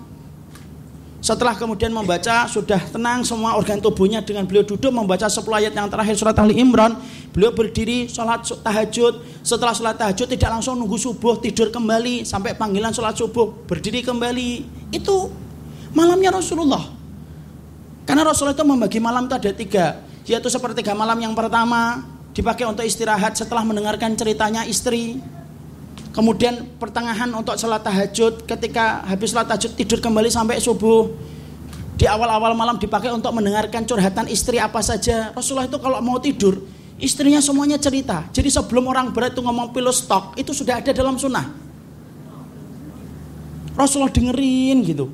Maimunah Salah satu istrinya Rasulullah saat itu Ibnu Abbas itu bermalam di rumahnya Rasulullah. Salah satu sahabat yang berhasil tidur di rumahnya Rasulullah itu Ibnu Abbas. Kenapa? Karena Ibnu Abbas itu keponakan Maimunah. Maimunah itu istrinya Rasulullah. Sahabat Abu Hurairah nggak bisa tidur di dalam rumahnya Rasulullah karena bukan mahramnya istri Rasulullah. Makanya Ibnu Abbas itu akhirnya pengen tahu malamnya Rasulullah kayak apa. Masuk ke rumah, kemudian ngeliatin Rasulullah ngobrol sama Maimunah. Setelah kemudian semua hajatnya diselesaikan, baru Rasulullah tidur. Makanya kita ini kalau habis sisa tidur pulang dengerin itu istri kita ngomong apa aja, dengerin aja. Dari masalah apa aja. Kemudian setelah itu baru ayo kita istirahat. Nah Ibnu Abbas itu, Masya Allah ya, saking semangatnya pengen tahu kehidupan malam Rasulullah. Itu sampai kemudian beliau bermalam di rumahnya Maimunah, dilihatin Rasulullah. Dan tidak tidur, Masya Allah. Karena untuk melihat Rasulullah. Masya Allah ya. Sahabat itu semangatnya kalau nyari ilmu tuh Masya Allah sampai tidak tidur. Kalau kita di majelis taklim tidur, nah itu kan bedanya. Maka kemudian Ibnu Abbas tuh ngeliatin, kemudian tengah malam Rasulullah duduk diusap wajahnya, mengucapkan kemudian seplayat yang terakhir dalam surat Ali Imran, kemudian berdiri kembali. Ibnu Abbas tahu mengamalkan sebagaimana yang diamalkan oleh Rasulullah sampai kemudian berdiri di samping kirinya Rasulullah. Saat itu salah posisinya, dijewer sama Nabi dalam sholat, diputar sama Rasulullah, diletakkan ke sebelah kanan. Mereka sholat tahajud berjamaah dan itu dalil bahwasanya boleh berjamaah dalam tahajud. Selesai, kemudian Rasulullah kembali berbaring untuk menunggu waktu subuh. Itu semua kehidupan Rasulullah. Dan ternyata kita itu kadang-kadang nggak tahu makan kesukaan Rasulullah apa kita tidak ngerti. Rasulullah ternyata tidak pernah mendahulukan daging daripada buah. Rasulullah selalu mendahulukan buah baru kemudian makan daging.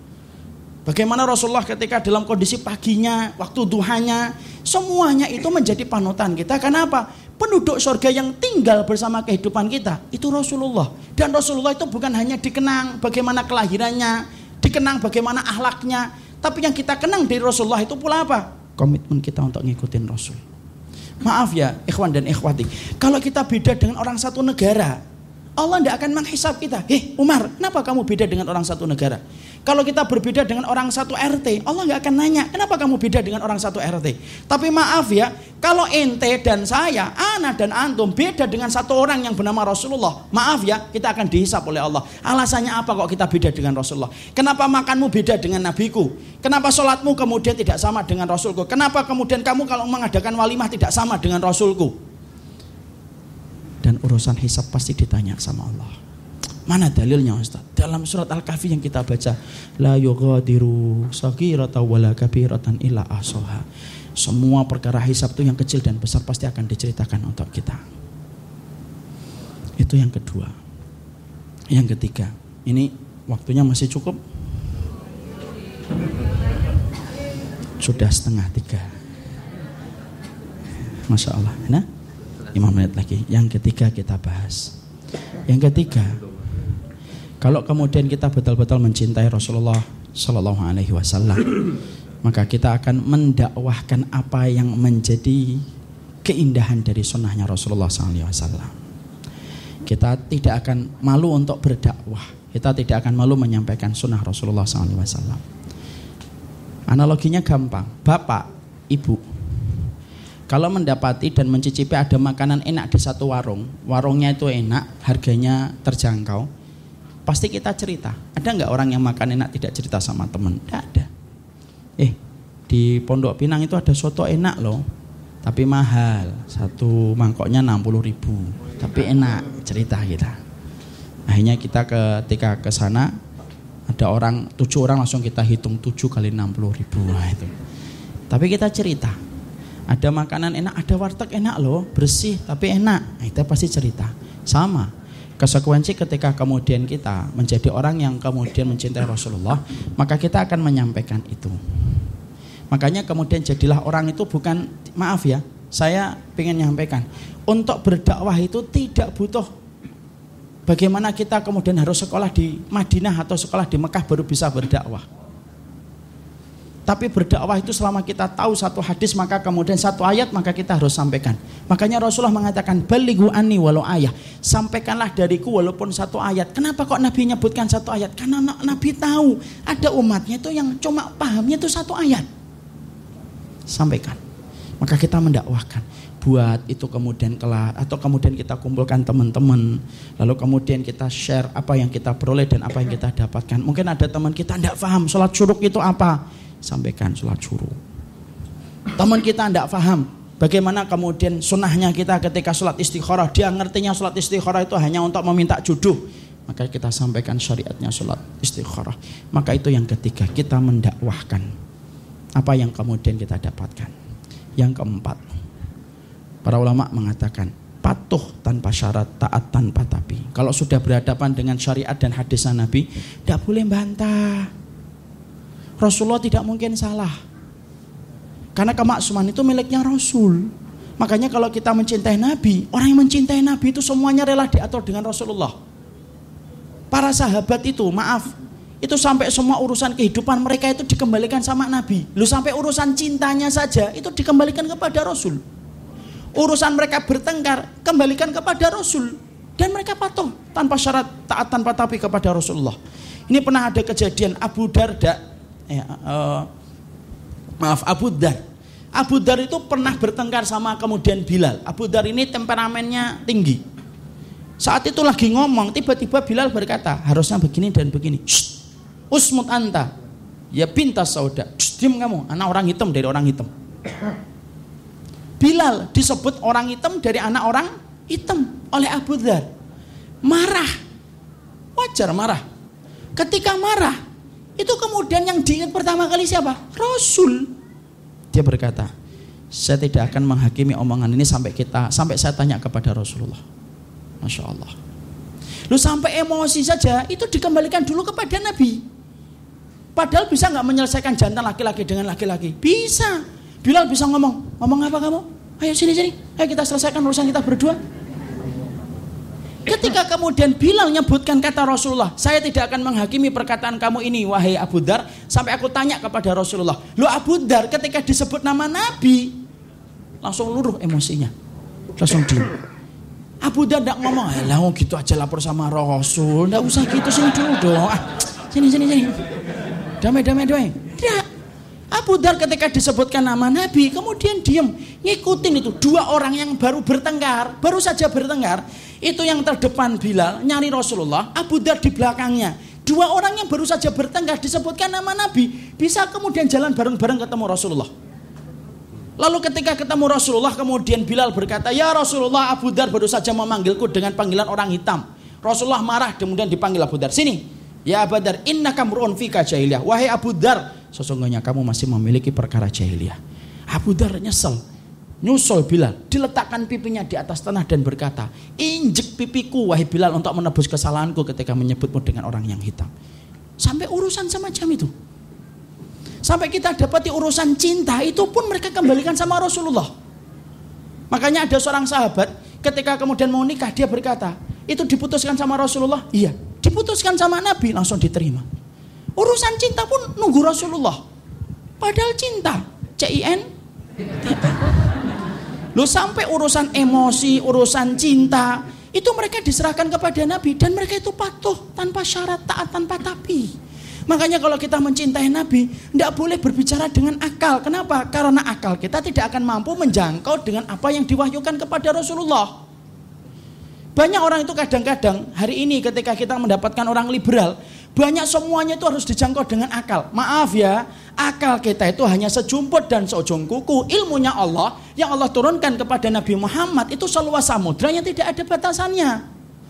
Nah banyak orang itu ngomongnya dengan sombong berkata, saya akan ngamalin sunnah selama sunnah itu masuk akal bagi saya. Lu akal kita seberapa? Kalau kemudian akalmu belum mampu menjangkau tentang syariat, Fungsinya iman itu menjangkau apa yang tidak bisa dijangkau oleh akal. Dan maaf ya, tidak semua syariat itu masuk akal untuk kita. Ada syariat yang masuk akal menurut kita, ada syariat yang akal kita tidak menjangkau. Contoh, kenapa kita tidak boleh minum khamr? Akal kita mampu untuk mengetahui, oh tidak boleh minum khamr karena merusak akal. Kenapa tidak boleh zina? Merusak kehormatan. Tapi ada beberapa syariat sunnah yang kadang-kadang kita tidak paham. Kenapa sholat duha dua? Kenapa maghrib tiga? Kenapa kemudian isya empat? Kita tidak pernah tahu. Tapi di setelah fungsinya iman. Iman itu menjangkau apa yang tidak bisa dijangkau oleh akal. Makanya orang kalau sudah jatuh cinta kepada Rasulullah. Yang kelima, dia akan patuh tanpa syarat, taat tanpa tapi. Makanya saya tutup ya. Kita hanya pengen dapatkan email, aja taat sama Gmail. Itu hanya untuk dapat Gmail. Kita kalau sering membuat email itu kan ngisi formulir gitu first name, last name dan lain sebagainya. Terakhirnya kemudian ada peraturan banyak panjang ada 30 itu loh yang tidak pernah kita baca. Pertama, karena kita tidak paham apa maksudnya. Atau yang kedua tidak penting. Kita langsung nombolnya itu bawah agree sama decline. Kalau kemudian kita menyetujui semua syarat itu agree baru dapat email. Tapi kalau kita ada satu dua syarat yang ada di Gmail itu kita tidak setuju, Berani nggak kita nelpon ke Gmail yang ada di Singapura? I'm sorry, this is Gmail office. Saya tidak setuju nomor 6 dan 7. Kira-kira jawaban Gmail apa? Gmail akan berkata, ya sudah kalau nggak setuju cari provider lain. Dan akhirnya kita gagal untuk mendapatkan email. Lu email aja kamu harus patuh sama provider yang menyediakan penyedia email gratis itu. Lu ke surga kok nggak mau taat sama Rasulullah. Makanya saya heran sama ada orang itu yang kemarin beberapa hari video viral itu. Ada orang itu buat video pede banget dia berkata saya ingin mengkritik Islam itu supaya Islam itu pada cerdas maju. Padahal saya perhatikan dia cerdas juga enggak gitu. Maju juga enggak. Berprestasi juga enggak tapi mengkritik gitu. Kecuali dia mungkin cerdas maju kaya raya. Mungkin ngomongannya masih bisa kita telaah lah. Tapi itulah manusia banyak orang yang kadang-kadang dia berpikir lebih pintar daripada Rasulullah itu yang kelima yang keenam tujuh delapan sembilan kapan-kapan kita bahas namanya juga sehari ya sehari aja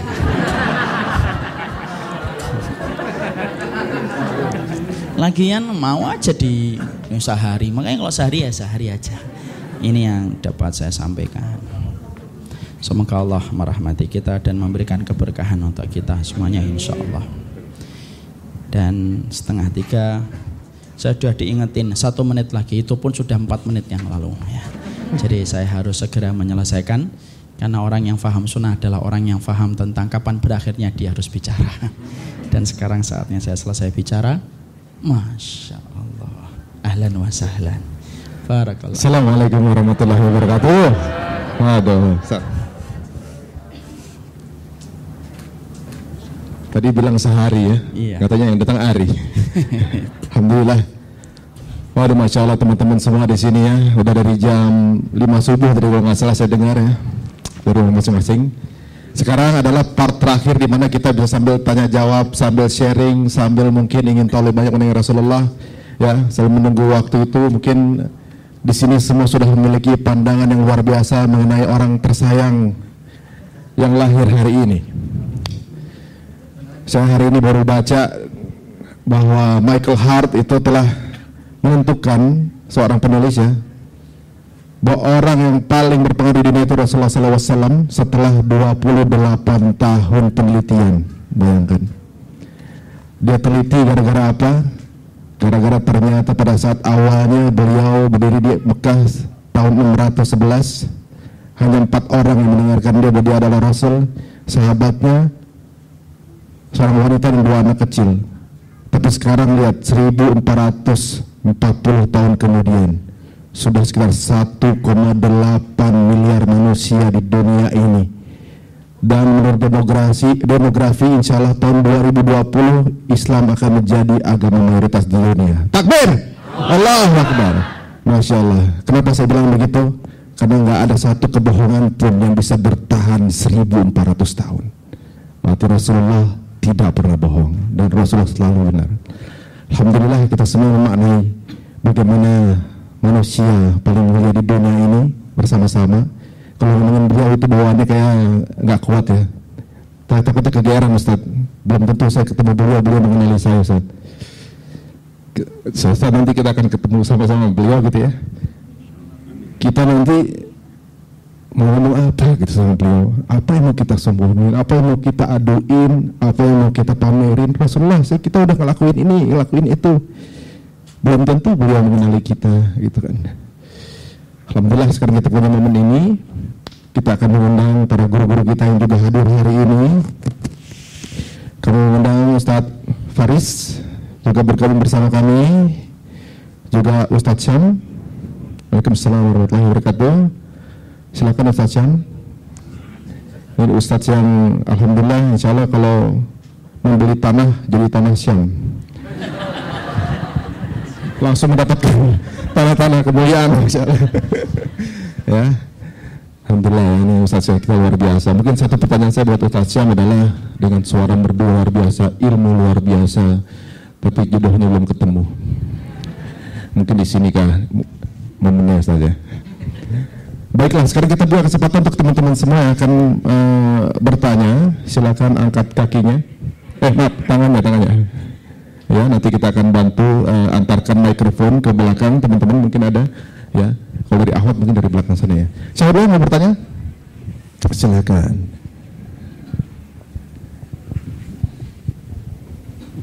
Ya, oh paling belakang sana.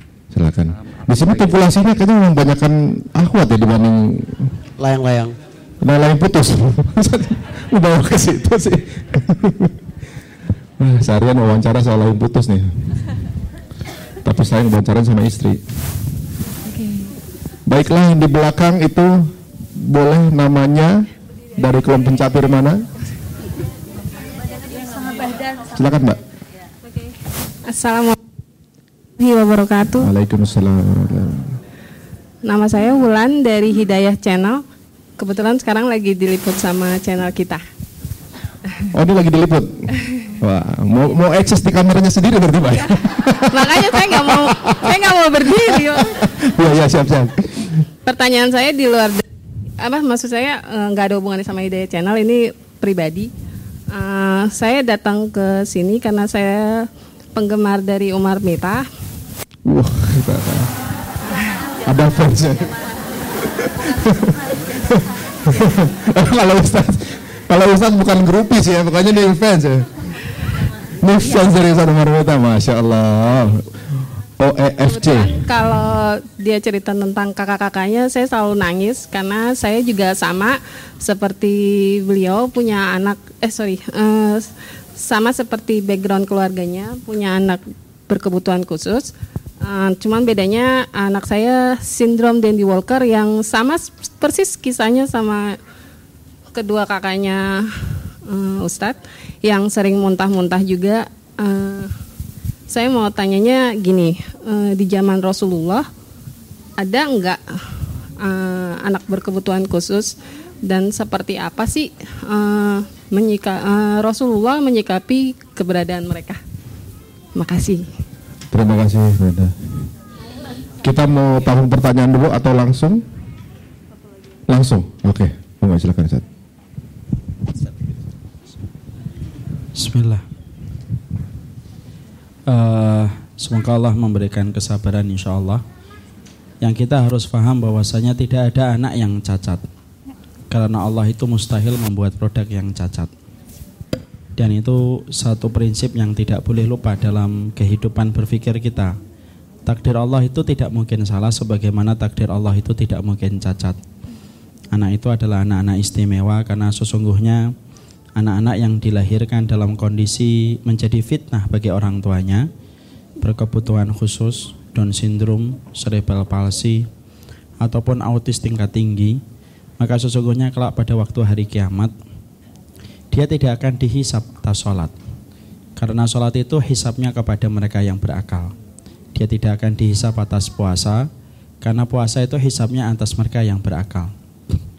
Tetapi anak-anak yang dilahirkan dengan begitu istimewa oleh Allah, itu mereka kelak pada waktu hari kiamat ditegakkan hisap, tapi hisapnya dengan sederhana, sebagaimana penderitaan yang sudah mereka lewati selama hidup.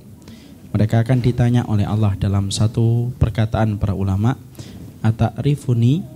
Kalian kenal saya enggak?" Anak-anak itu akan menjawab, "Na'rifuka ya Rabbana." Kami kenali Engkau wahai Rabb yang menciptakan kami. Maka kemudian mereka langsung mendapatkan golden access menuju kepada surganya Allah Subhanahu wa taala.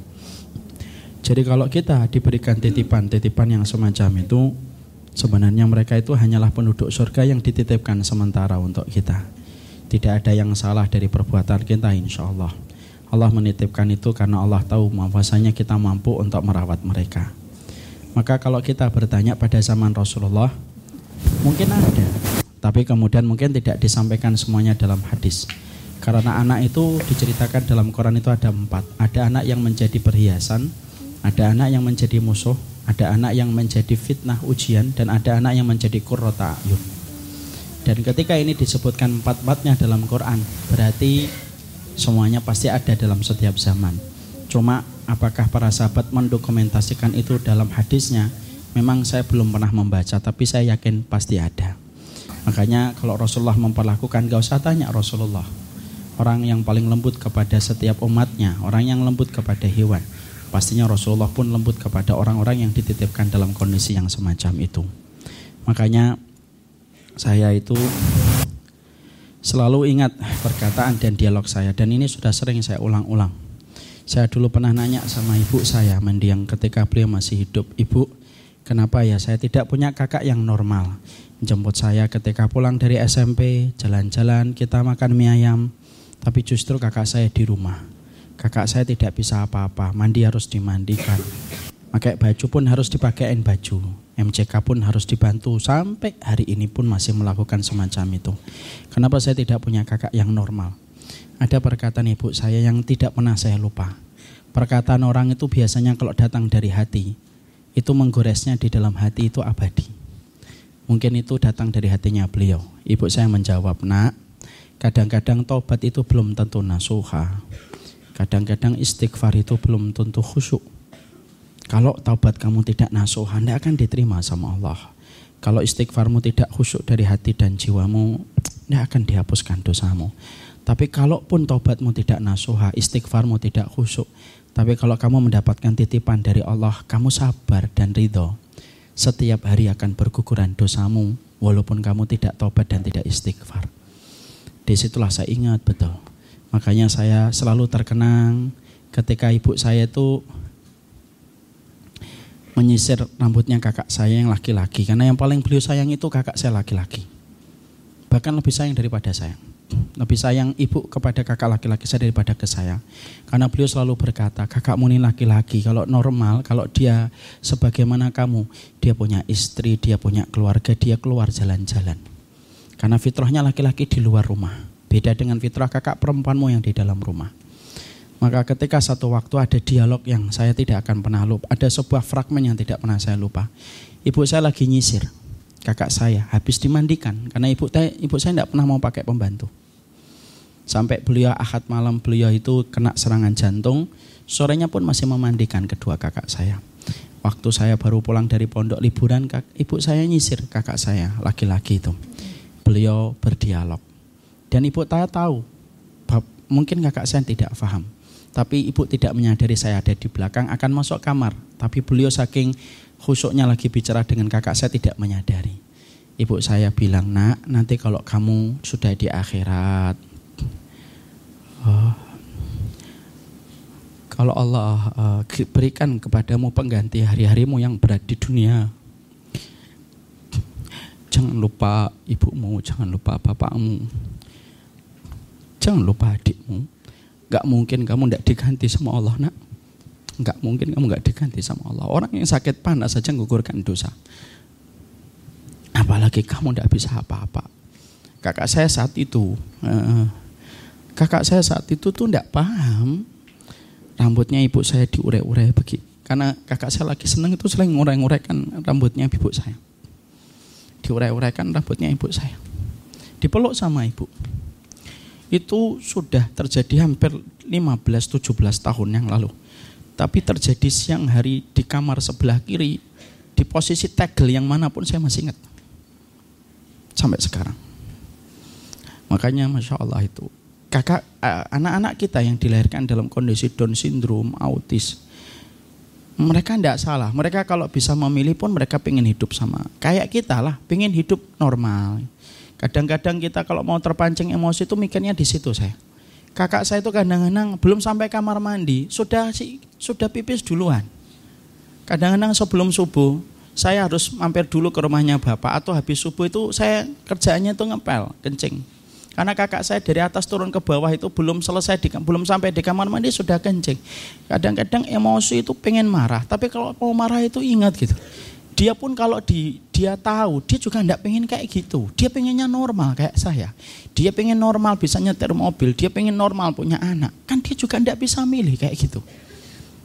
Maka itulah yang kita harus pahami. Jadi apakah Rasulullah menemukan?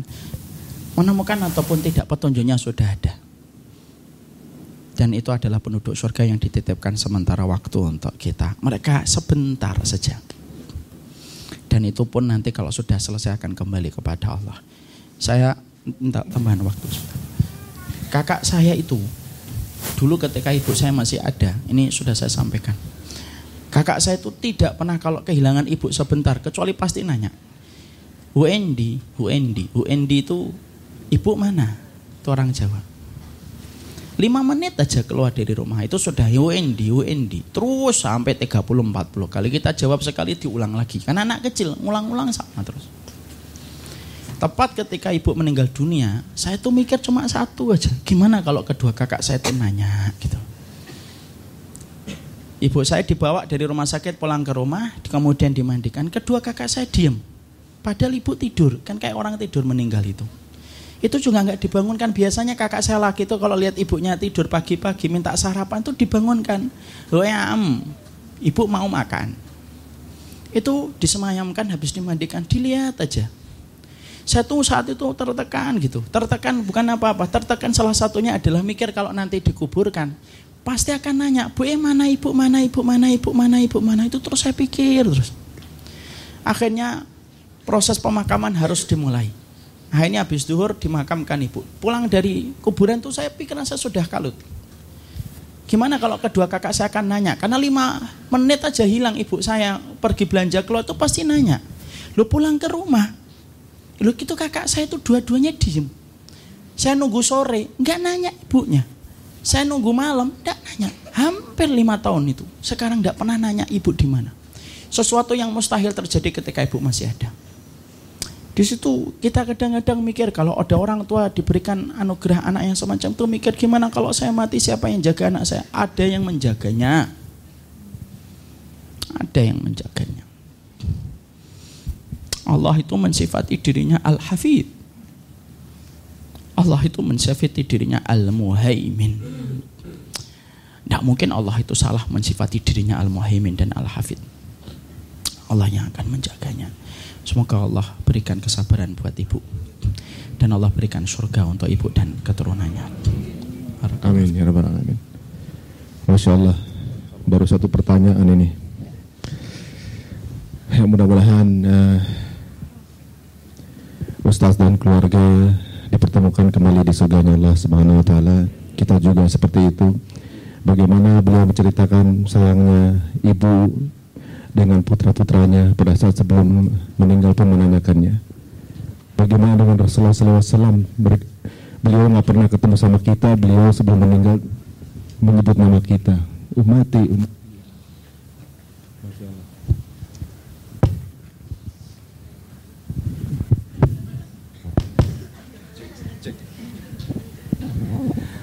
Baiklah, sekarang kita beranjak ke pertanyaan berikutnya. Monggo, silakan. Mbaknya ya, ah, Mbak. Uh, Assalamualaikum warahmatullahi wabarakatuh. Waalaikumsalam. Uh, nama saya Niken. Uh, saya ingin bertanya kepada Ustadz uh, terkait tentang tadi yang sunnah itu kan tadi ada uh, materi tentang bagaimana uh, kadang ada beberapa di luar uh, lingkungan dan teman-teman di luar sana ketika ada sunnah ini mungkin ah ini nggak sesuai dengan akal sehat seperti itu nggak sesuai dengan akal pikiran gitu nggak kok nggak kayak gitu nah gimana caranya kita uh, untuk uh, apa ya me memberikan pengertian kepada mereka dan juga uh, memberikan uh, keteguhan kepada diri kita bahwa yang kita yakini uh, dengan sunnah yang Rasul yang itu uh, bisa kita lakukan tanpa ada intervensi dari lingkungan sekitar seperti bagaimana. Assalamualaikum warahmatullahi wabarakatuh. Waalaikumsalam warahmatullahi wabarakatuh. Ini dalam konteks temennya belum belajar atau temennya sudah lebih mendalami? Hmm, buat yang dua-duanya mungkin bisa. Dua-duanya ya? ya. Mau tanyanya ke Ustadz siapa Ustadz Faris boleh, Ustadz Syam boleh atau Ustadz Umar Mita boleh. Fadal Ustadz. Bismillahirrahmanirrahim. Ini Bagus sekali pertanyaan. Uh, Saudara-saudaraku yang dirahmati Allah Subhanahu taala, akal manusia itu adalah organ tubuh milik manusia. Karena itu dia terbatas. Naif kalau kita menuhankan sesuatu yang terbatas. Sebagaimana matamu adalah organ tubuh manusia. Pandangan mata terbatas, maka jangan menuhankan pandangan mata. Kalau saya berkata di balik tembok ini pasti tidak ada semut karena mata saya yang terbatas tidak dapat melihatnya. Itu adalah arogansi berpikir. Maka saya tidak bisa mengandalkan mata saya karena kemampuannya sangat terbatas. Saya juga tidak bisa mengandalkan telinga saya karena telinga adalah organ tubuh yang kemampuannya sangat terbatas. Kenapa kita mengandalkan akal kita seperti akal tanpa batas? Padahal apa bedanya? Akal, telinga dan matamu yang sangat terbatas dibanding wahyu Allah Subhanahu wa taala dari sisi zat yang maha mengetahui segala sesuatu. Itu jawaban saya. Ya, baik. Tapi saya mau mau uh, apa namanya? tambahkan sedikit dari Ustaz Umar Mita tadi. Bagaimana bertenaganya Ustadz Umar mengajak kita bersabar. Kenapa? Karena pelakunya adalah dirinya sendiri. Itulah kekuatan keteladanan. Itulah mengapa kita ketika mendengar apa pun pesan dari Rasulullah SAW untuk sabar, untuk syukur, untuk tidak putus asa, untuk terus berjuang, untuk berkorban. Kenapa sangat kuat sampai ada dalam diri kita? Karena Rasulullah memberikan keteladanan. Kita melihat itu real, nyata dalam kehidupannya, dan kita mencontoh itu semua. Ini kekuatan keteladanan. Inilah mengapa saya sampaikan.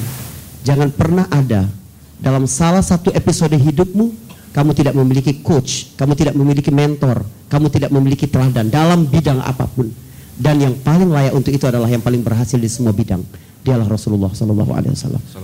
Masya Allah, luar biasa ya. Rasulullah itu the real hero ya. Nggak perlu armor, nggak perlu bisa terbang, nggak perlu punya laser. Ya, beliau cukup melawannya dengan keteladanannya. Jadi sesuatu yang akan dicontoh oleh umatnya suatu saat nanti pada saat menemukan kendala yang sama. Masya Allah. Nanti kalau kayak Iron Man, kalau kita nggak bisa terbang, kita kalah dong. Baiklah, bagaimana sudah bisa menjawab tadi Mbak? Sudah? Oke. Okay. Masya Allah sekarang pertanyaan berikutnya. Silakan Mbak. Oh ada dua tuh. Waduh antusiasmenya luar biasa. Oh sana dulu. Oke siap. Berikutnya mbaknya ini sini. Ini awat semua yang bertanya ya. Sepertinya pria-prianya sudah menangkap semuanya ya. Pinter-pinter. Atau malah langsung nggak ngerti. Assalamualaikum warahmatullahi wabarakatuh. Waalaikumsalam. Nama saya Puspita, saya dari Depok. Uh, pertanyaan sebenarnya uh, agak di luar bahasan yang hari ini. Ini lebih ke bagaimana caranya uh, kita mendidik anak-anak kita, seperti itu. Uh, saya tinggal bersama orang tua, gitu ya, dan salah satu orang tua saya sampai sekarang itu belum melaksanakan sholat. Uh, di situ ada perang batin dari saya, bagaimana caranya anak saya yang pertama sekarang udah tujuh tahun, di mana saya ingin benar-benar uh, apa ya mengajarkan bahwa sholat itu penting seperti itu. Sampai sa suatu saat saya marah sama anak saya karena tidak mau menuruti untuk diajak sholat sampai dia berkata bahwa kenapa tuh nggak sholat? Kenapa saya harus sholat seperti itu?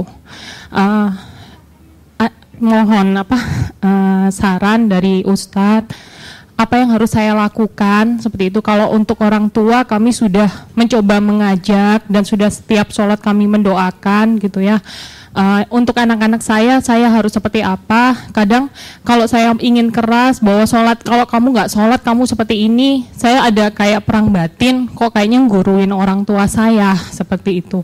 Apa yang harus saya lakukan? Terima kasih. Assalamualaikum warahmatullahi wabarakatuh. Waalaikumsalam warahmatullahi wabarakatuh. Ini pertanyaan seperti ini mungkin juga banyak dialami oleh beberapa teman-teman juga mungkin ya. Bagaimana seorang cucu nggak bisa melihat keteladanan sholat itu dari kakeknya ya? Atau uh, uti kukungnya ya. Gitu. Saya mau berikan kepada Ustadz Syam, tapi sebenarnya Ustadz Syam sendiri belum pernah merasakan apa itu. Apa arti mertua dia nggak tahu gitu. Apa sih gitu. Anak apa sih anak itu gitu. belum ada dalilnya di kehidupan Ustadz katanya. apa? Oh ke bapak. Oh ya, mungkin ada bagaimana caranya untuk ber, ber, berkomunikasi dengan ayah untuk memberikan anjuran agar uh, tak beribadah. Awal dari situ. Enggak, enggak, mungkin angle ke keluarga kita uh, ya Ustaz lain tenang. Masya Allah. Masya Allah. pengalaman aja, pengalaman aja nih. Uh, ayah saya tuh kan kami tiap hampir tiap hari live di Trans TV Islam itu indah subuh. Nah kalau saya lagi nggak syuting, ayah saya itu pasti video call bangunin sholat subuh pasti video call bangunin sholat subuh. Bukan voice call video call. Kalau voice call masih bisa bohong kita. Kalau video call nggak bisa. Wajah kita lagi di mana nih? Lagi di masjid apa enggak? Gitu. Uh, sekelas uh, Syam yang dipanggil ustadz di luar masih dibangunkan sholat subuh sama orang tua. Saya pernah nanya sama bapak pak kenapa sih Syam ini udah ceramah loh di luar? Kalau ke pesantren udah dicium tangannya bapak Kenapa bapak masih bangunkan saya sholat subuh? Kata bapak saya, kamu tetap anakku dan yang namanya anak, yang namanya anak cek. Kayaknya bapakku tidak ikhlas digibahi. Cek. Kayaknya bapakku tidak ikhlas digibahi ya. yang namanya anak tetap tanggung jawabnya bapak. Kata bapak, tidak mungkin nanti bapak Misalnya di depan pintu surga terus bapak ditarik keluar gara-gara anaknya tidak sholat. Jadi itu mungkin. Kalau masalah kepada berdakwah kepada orang tua Syam sering mengambil ayat di dalam Al-Quran bagaimana Nabi Ibrahim berdakwah kepada ayahnya Azar uh, ya abati uh, lima ta'budu ma la yasma'u wa la yubsiru wa la syai'a. Oh bapakku kenapa kau sembah sesuatu yang tidak logis artinya berdakwah sama orang tua mungkin yang pertama dengan cara memberikan sesuatu yang logis terhadap orang tua dan yang kedua, nggak ada ceritanya anak ceramahi bapaknya. Makanya Syam di sini merasa tidak menceramahi hadirin yang hadir. Karena Syam merasa Syam uh, ada yang lebih senior, saya nggak mau bilang tua. Ya, ada yang lebih senior daripada Syam di sini. Jadi bukan menceramahi karena dari bawah ke atas. Sama seperti Nabi Musa ketika berdakwah kepada uh, Fir'aun faqula lahu qawlan layyina la'allahu yatadzakkar aw yakhsha. Ditambahkan oleh bapak saya Bapak Umar Mitah.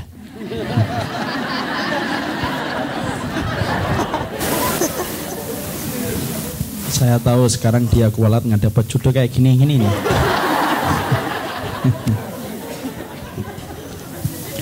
Sebenarnya apa yang disampaikan oleh beliau tadi uh, sudah mencukupi, walaupun memang beliau belum berpengalaman dalam masalah keluarga.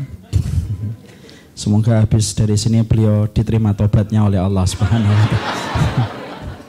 Habis ini yang nanya siapa lagi? Satu lagi. Ada satu kaidah yang saya uh, dapatkan dan saya perhatikan. Kalau tertutup satu pintu, jangan pernah lelah untuk membuka pintu-pintu yang lainnya. Kalau kita berdakwah kepada bapak kita dan kita tidak bisa membuka pintu ketika kita memberikan kata-kata dan ceramah, bukan berarti akhirnya solusi itu terhenti hanya karena satu pintu yang tertutup. Buka pintu-pintu yang lainnya yang begitu banyak dan bisa kita ikhtiarkan. Yang terpenting adalah jangan celah kegelapan kalau kita tidak membawa lentera. Pintu-pintu yang lainnya itu bisa datang dari berbagai macam sisi. Satu, kita sering ngobrol dari hati ke hati dengan orang tua kita. Kemudian kita sering memberikan hadiah, sering kemudian kita mengajak telapak tangannya untuk kita bawa ke majelis taklim.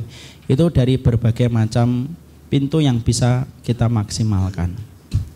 Kalau hari ini orang tua kita belum mendengar apa yang kita sampaikan, mungkin kita juga harus muhasabah. Kita belum punya keteladanan yang membuat orang tua kita kagum sama kita sampai akhirnya dia pun tidak tertarik dengan urusan sholat. Ini ada sebuah kisah nyata dari salah satu ikhwan di Semarang ketika saya akan mengadakan kajian tablik dua tahun tiga tahun yang lalu. Dia berkata, orang tuanya itu betul-betul antipati sama hal-hal yang berbau agama. Dan kalau menyampaikan selalu disekakmat bahwasanya dia baru ingusan umurnya. Tapi dia tidak pernah berputus asa, ngajak orang tuanya gagal. Kemudian menyampaikan gagal, membelikan buku gagal. Sampai kemudian akhirnya tanpa beliau sadari, beliau membelikan orang tuanya itu mobil. Mobil nggak terlalu mahal, seratusan juta second. Tapi sembari di mobil yang beliau belikan orang tuanya itu, di situ ada flash disk tentang kajian. Tancapkan flash disk itu di dalam mobil tersebut. Sang bapak pertama kali ketika mendapatkan mobil tentunya dan ibunya senang. Secara otomatis karena mereka orang tua mereka tidak tahu kalau flash disk itu merupakan bagian dari komponen luar, disangkanya itu komponen mobil. Dan akhirnya nggak diapa-apain. Dan mereka sudah mulai mikir ini kok mobilnya kok isinya ceramah terus.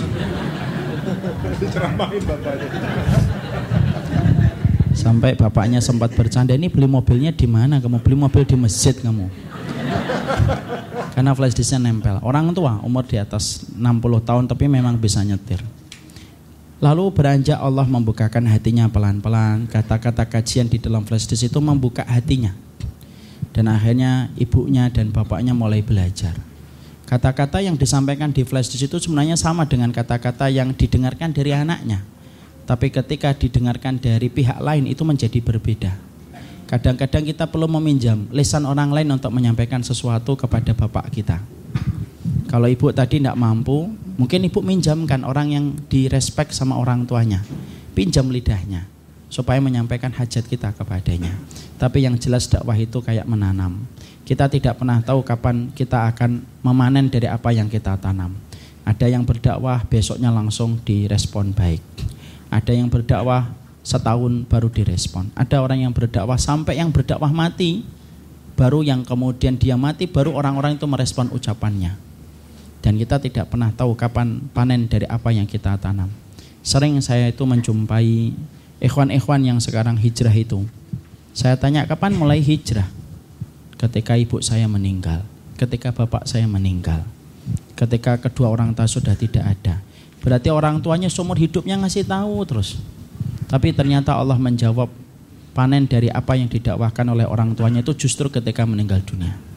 Ada salah satu tetangga saya dan saya sudah anggap menjadi circle keluarga saya karena saya akrab betul. Dia baru ngaji itu kapan? Ketika bapaknya meninggal dunia, dia membereskan warisan dia melihat catatan buku bapaknya. Di situ ada tulisan, saya pengen anak saya solih. Dan seumur hidupnya bapaknya itu ngajak dia ngaji tidak pernah direspon sama anaknya. Kapan dia mulai ngaji datang ke masjid? Habis bapaknya meninggal dunia. Kayak gitu tuh ada. Tapi yang terpenting adalah dakwah tetap harus ditanam. Kapan panennya biar Allah yang menentukan. Yang jelas Allah tidak pernah salah waktu. Mangga tidak pernah keluar di masa rambutan. Rambutan tidak pernah keluar di musim jambu. Jambu tidak pernah keluar di musim pete. Berarti Allah tidak pernah salah kapan memberikan waktu yang terbaik untuk kita panen hidayah. Yang terpenting sampaikan. Dakwah saya tidak diterima Ustaz, tidak apa-apa. Kenapa keluarga para nabi kalau kita perhatikan, maaf, coba kita perhatikan keluarga nabi, para rasul keluarga para nabi dan keluarga para rasul itu ujiannya beda-beda. Ada yang diuji dengan bapaknya kayak Ibrahim, ada yang diuji dengan istrinya kayak Nabi Nuh dan Lut, ada yang diuji dengan anak kayak Nabi Nuh, ada yang diuji dengan istri kayak Nabi Ismail dan Nabi Nuh. Ada yang eh, kayak Nabi Lut juga, ada yang diuji dengan suami kayak Asia, ada yang diuji dengan keluarga besar kayak Maryam, ada yang diuji dengan paman kayak Rasulullah. Kalau kita mikir, kenapa sih keluarga para nabi dan para rasul itu tidak diberikan oleh Allah gambaran ideal? Karena Allah mampu menjadikan keluarga nabi itu ideal semuanya. Pamannya beriman, bapaknya beriman, anaknya taat, suaminya baik. Dan mereka berhak untuk mendapatkan itu supaya menjadi contoh. Tapi justru keluarga para nabi dan para rasul itu contohnya itu malah ujiannya beda-beda. Di situlah saya baru tahu kita baru mengetahui bahwasanya kalau para nabinya Allah dan rasulnya Allah aja diuji dengan keluarga terdekat mereka ya kita ini wajar kalau diuji kalau kita mengikuti para nabi kalau kehidupan keluarga kita gampang suami kita kita nikah langsung hafal Quran anak kita langsung hafal juz 30 dinikahin langsung hafal ya langsung kemudian orang tua kita langsung taat gitu. Kalau semuanya dimudahkan untuk kita, malah kita bingung dari mana kita akan mendapatkan pahala kesabaran. Nah di situlah kita paham. Saya berteman kayak sama Mas Ari, sama Ustadz. Di situ saya belajar tentang kesyukuran. Di situ saya ketemu Ustadz Sam, saya belajar tentang kesabaran. Ya kan? Insyaallah. Saya menambahkan. Baik. Saya tambahkan sedikit dari Siro Experience. Bagaimana dakwah itu mungkin kita, bukan kita yang melihatnya. Seperti menanam seperti yang disebutkan oleh Ustaz Umar Mita. Saya lanjutkan kisah Nabi bersama Adas tadi. Nabi kemudian turun dari kebun milik Utbah dan Syaibah tadi. Tiba-tiba Jibril berada di atasnya dan memanggil ya Muhammad. Bersamaku ada malaikat gunung Allah telah mendengar rintihanmu. Allah telah mendengar ucapan-ucapan yang menyakitkan dari kaummu. Kalau engkau perintahkan malaikat gunung ini untuk membalikkan dua gunung yang ada di Mekah dan Taif, dia akan lakukan. Nasib warga Mekah dan Taif pada hari itu remote kontrolnya di ujung lisan Rasulullah SAW. Tapi apa yang dijawab oleh Nabi? Bal arjullah an yukhrija min aslabihim qauman ya'budunallaha wa la yusyrikuna bihi ahada. Aku malah berharap kepada Allah dari tulang sulbi mereka lahir generasi yang bertauhid, generasi yang menyembah Allah Subhanahu wa taala dan tidak menyekutukannya. Subhanallah. Setelah seluruh kesakitan, kelelahan, ya, kesedihan yang dialami oleh Rasulullah SAW yang dia dapatkan dari pemuka-pemuka dan penduduk Quraisy serta penduduk Taif, Nabi mendoakan kebaikan untuk mereka. Lihatlah bagaimana doa bekerja. Sewaktu Nabi wafat, hampir seluruh orang di Jazirah Arab murtad di luar kota Madinah. Hanya dua kota di luar Madinah yang tidak murtad. Mekah dan Taif. Dari tulang sulbi yang memusuhi Nabi, yang utama menjadi musuh-musuh Rasulullah SAW itu. Dari tulang sulbi Abu Jahal, lahir Ikrimah bin Abi Jahal. Sahabat terkemuka.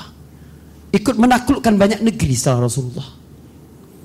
Dari tulang sulbi Utbah, lahirlah Hudzaifah bin Utbah. Dari tulang sulbi Al-Walid bin Al-Mughirah, lahir Khalid bin Al-Walid.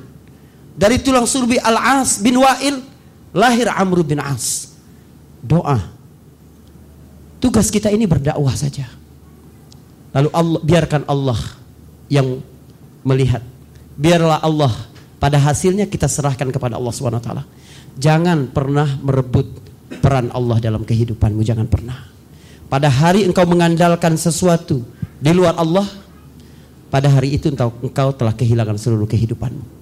Allah jika mencintai seorang hamba, dia akan mengambil apa pun yang diandalkan oleh hamba itu di luar dia agar hamba itu kembali mengandalkan Allah Subhanahu wa taala. Ini yang perlu kita tanamkan terus. Ya Rahman, ya Allah, Masya Allah, luar biasa. Semua pertanyaan di sini kembali kepada Rasulullah. Beliau lagi, beliau lagi. Jadi Allah sayang banget sama kita ya. Kita hidup di dunia dikasih buku panduan Al-Quran, dikasih tutorial dari Rasulullah. Masya Allah, komplit. Kita tinggal ngikutin aja. Saya jadi ingat waktu zaman istri saya, semua saya ajak hijrah, Ustaz. Sulit juga, Ustaz. Setiap saya ngumpul sesuatu, masuk kamar. Apa? Hijrah, hijrah, lebay, gitu. gitu, Ustaz. Sampai kita tatap-tatapan lah. Kalau kita ngomongin agama, kita tuh nggak cocok. Wah, kalau ada kamera tuh cocok, cocok, cocok, cocok. Akhirnya udah, saya nyerah. Oke, saya nggak nggak gini lagi sama beliau. Saya akhirnya banyak-banyakin aja berdialog sama Allah. Ya, soalnya kayak kita lagi memohon untuk cari muka gitu ibaratnya. Ya Allah, saya coba pengen punya istri solehah. Jadi daripada saya mengubah istri saya, saya rubah diri saya sendiri dulu sampai akhirnya keluarlah. Entah saya lihat di mana mau dapat istri solehah. Kamu udah soleh belum? Ternyata saya belum soleh. Saya masih Ari Untung. Masya Allah. Jadi kadang-kadang mungkin orang tua kita juga terinspirasi dari kita juga gitu kan. Nah ini sepertinya ada pertanyaan terakhir. Terakhir. Iya, ini sebenarnya seru juga ya. Assalamualaikum. Bu, udah, udah selesai bu, udah terakhir bu.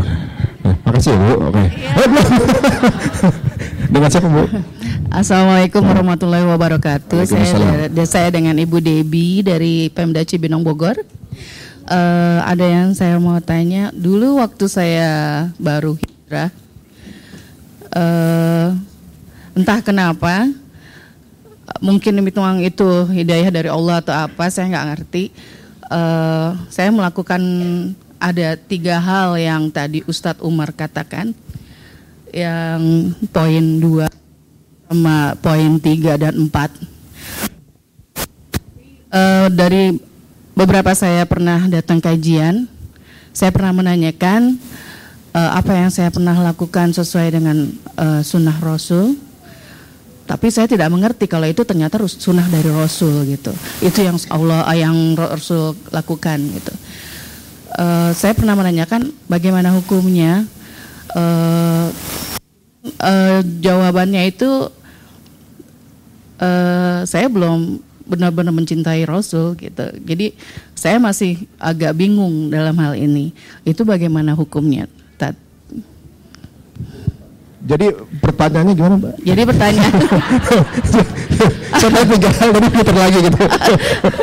saya melakukan sunnah yang tadi Ustadz Umar katakan dalam poin 2 dan 3 4 itu. Oh yang tadi sebelum ini, ya, ya. Yang tadi barusan itu eh, seperti Sunnah apa aja bu?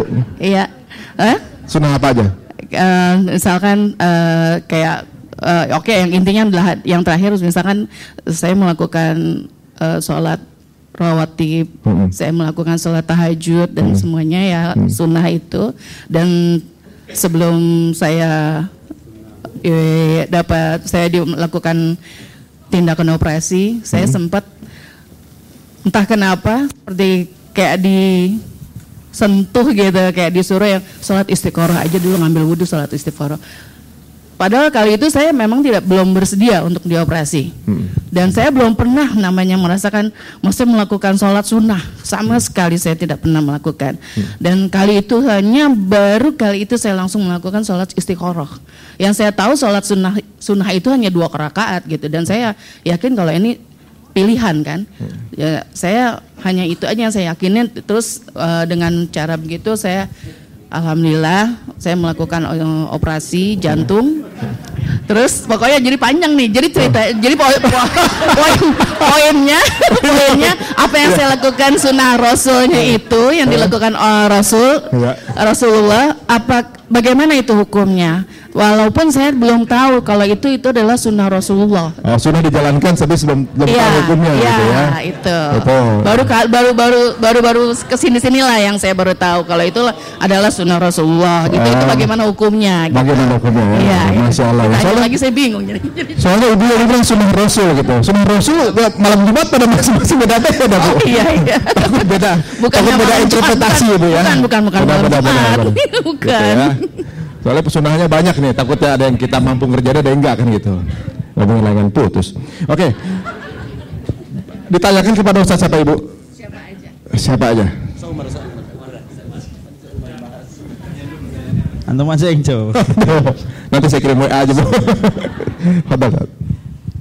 Ketika kita mengerjakan sesuatu memang diperlukan al ilmu qabla al qawli wal amal, ilmu sebelum perkataan dan perbuatan.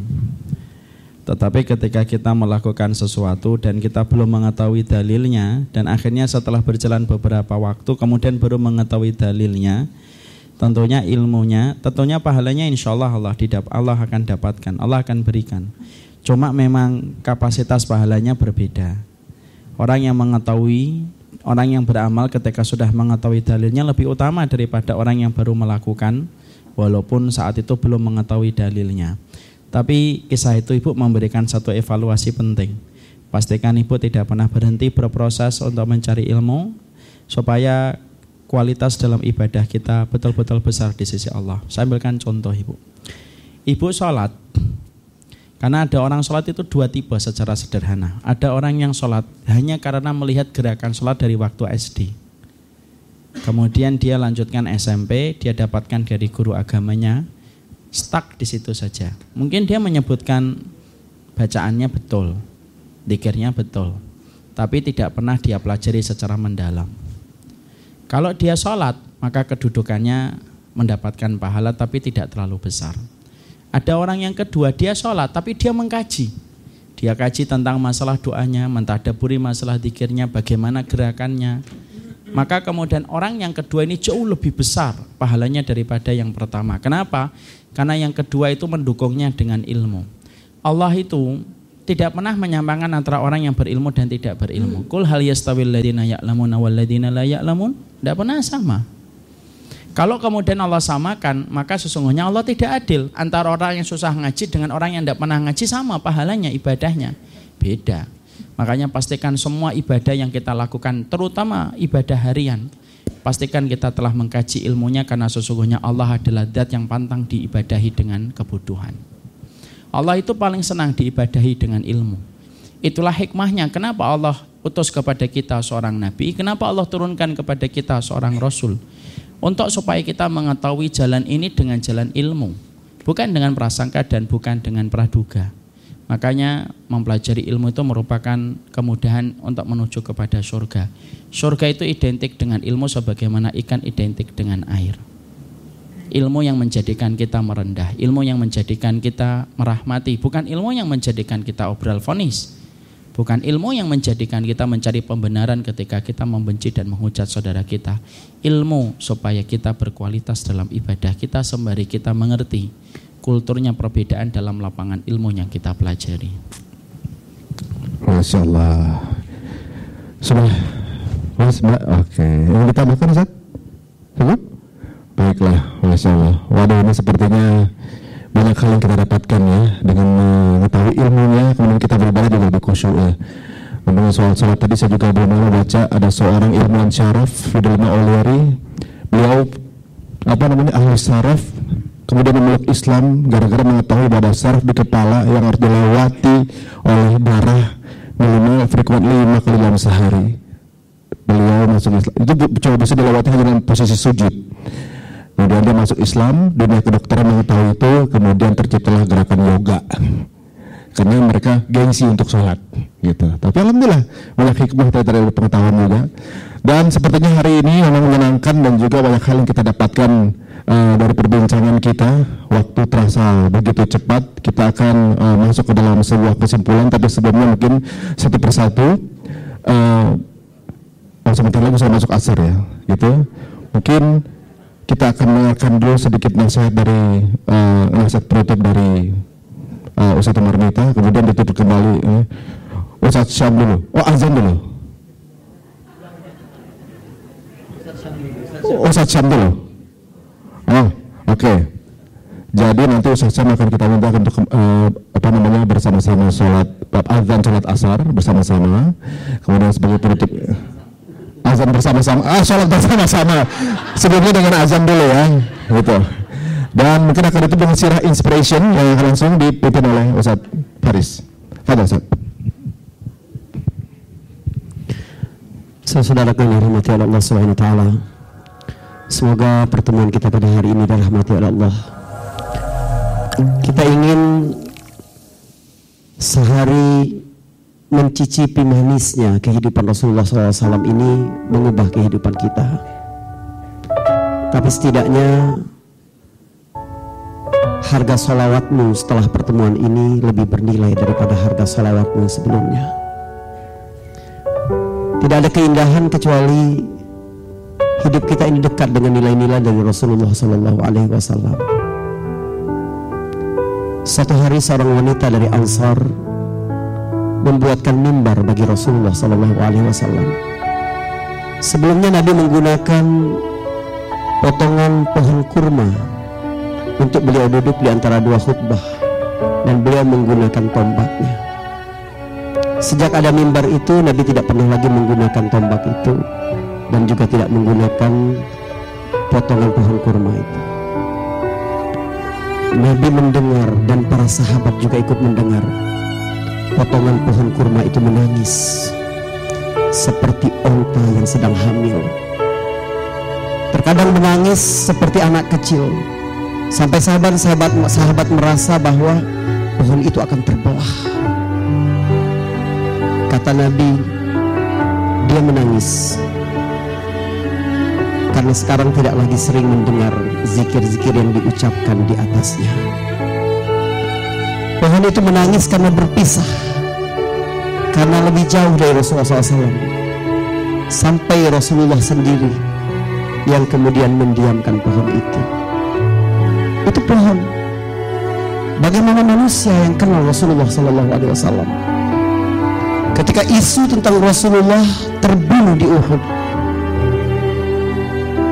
seorang perempuan dari Ansar dari Bani Dinar bersama perempuan-perempuan lain di Ansar menunggu kepastian kabar itu benar atau tidak. Wanita itu paling depan menyongsong para sahabat pasukan yang pulang dari Uhud. Wanita Ansar dari Bani Dinar itu berkata, "Bagaimana keadaan Rasulullah?" Orang-orang menjawab, "Suamimu meninggal dunia." Dia kembali bertanya, "Bagaimana Rasulullah?" Dijawab, "Ayahmu meninggal dunia." Dia bertanya lagi, "Bagaimana keadaan Rasulullah?" Orang-orang menjawab, "Anakmu meninggal dunia." Rasulullah alhamdulillah dalam keadaan baik-baik. Wanita itu berkata, "Musibah apa pun yang menyapaku, jika Rasulullah dalam keadaan baik, musibah-musibah itu menjadi ringan dalam kehidupannya. Seberapa Rasulullah baik dalam kehidupan, seberapa keadaan sunnahnya tetap fit ketika engkau menjalankan kehidupan keluargamu, ketika engkau mendidik anakmu, ketika engkau bekerja, ketika engkau bersahabat, ketika engkau menjalankan bisnismu, ketika engkau menapaki seluruh episode kehidupan seberapa baik-baiknya keadaan Rasulullah, keadaan sunnahnya, keadaan manhajnya, keadaan teladannya bagi kehidupan. Tangisilah jika keadaannya tidak baik.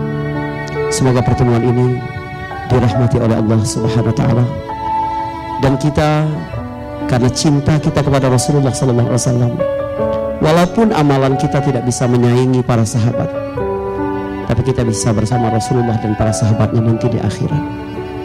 Ketika seorang Arab gunung datang ke Nabi dan bertanya mata sa'ah? Kapan hari kiamat? Rasulullah menjawab ma'adat talaha. Namanya kami sudah siapkan apa? Sahabat itu tertegun dan berkata aku tidak menyiapkan sedekah yang banyak ya Rasulullah aku juga tidak memiliki puasa yang banyak. Juga salat-salat sunnah yang banyak. Tapi aku mencintai Allah dan Rasulnya. Nabi berkata engkau akan dibangkitkan bersama orang yang engkau cintai. Anas berkata hadis ini paling menghibur kami setelah keislaman kami.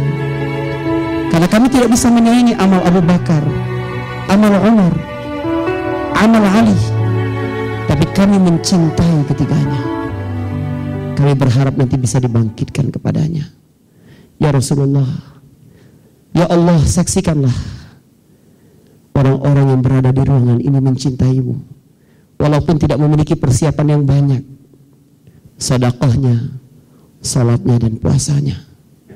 Kami mencintai Rasulullah. Masya Allah hari ini luar biasa sekali. Semoga sama-sama kita akan bertemu kembali dan bertemu dengan Rasulullah SAW walaupun beliau belum pernah bertemu dengan kita insya Allah dari hati ini mampu membuat beliau mengetahui siapa kita dan di mana cinta kita berada. Alhamdulillah teman-teman semuanya di sini kita bisa berada di sini sama-sama terima kasih untuk para guru-guru kita yang telah hadir di sini Ustaz Marmita Ustaz Faris Ustaz Syam dan juga teman-teman semuanya Semoga teman-teman Vision 99 akan kembali bisa bersilaturahmi dengan teman-teman semua. Sepertinya kita akan uh, mendengarkan doa penutup dari Ustaz. Baik, langsung diazan. Baiklah. Kalau kita tutup dengan Subhanaka Allahumma wa bihamdika Assalamualaikum warahmatullahi wabarakatuh.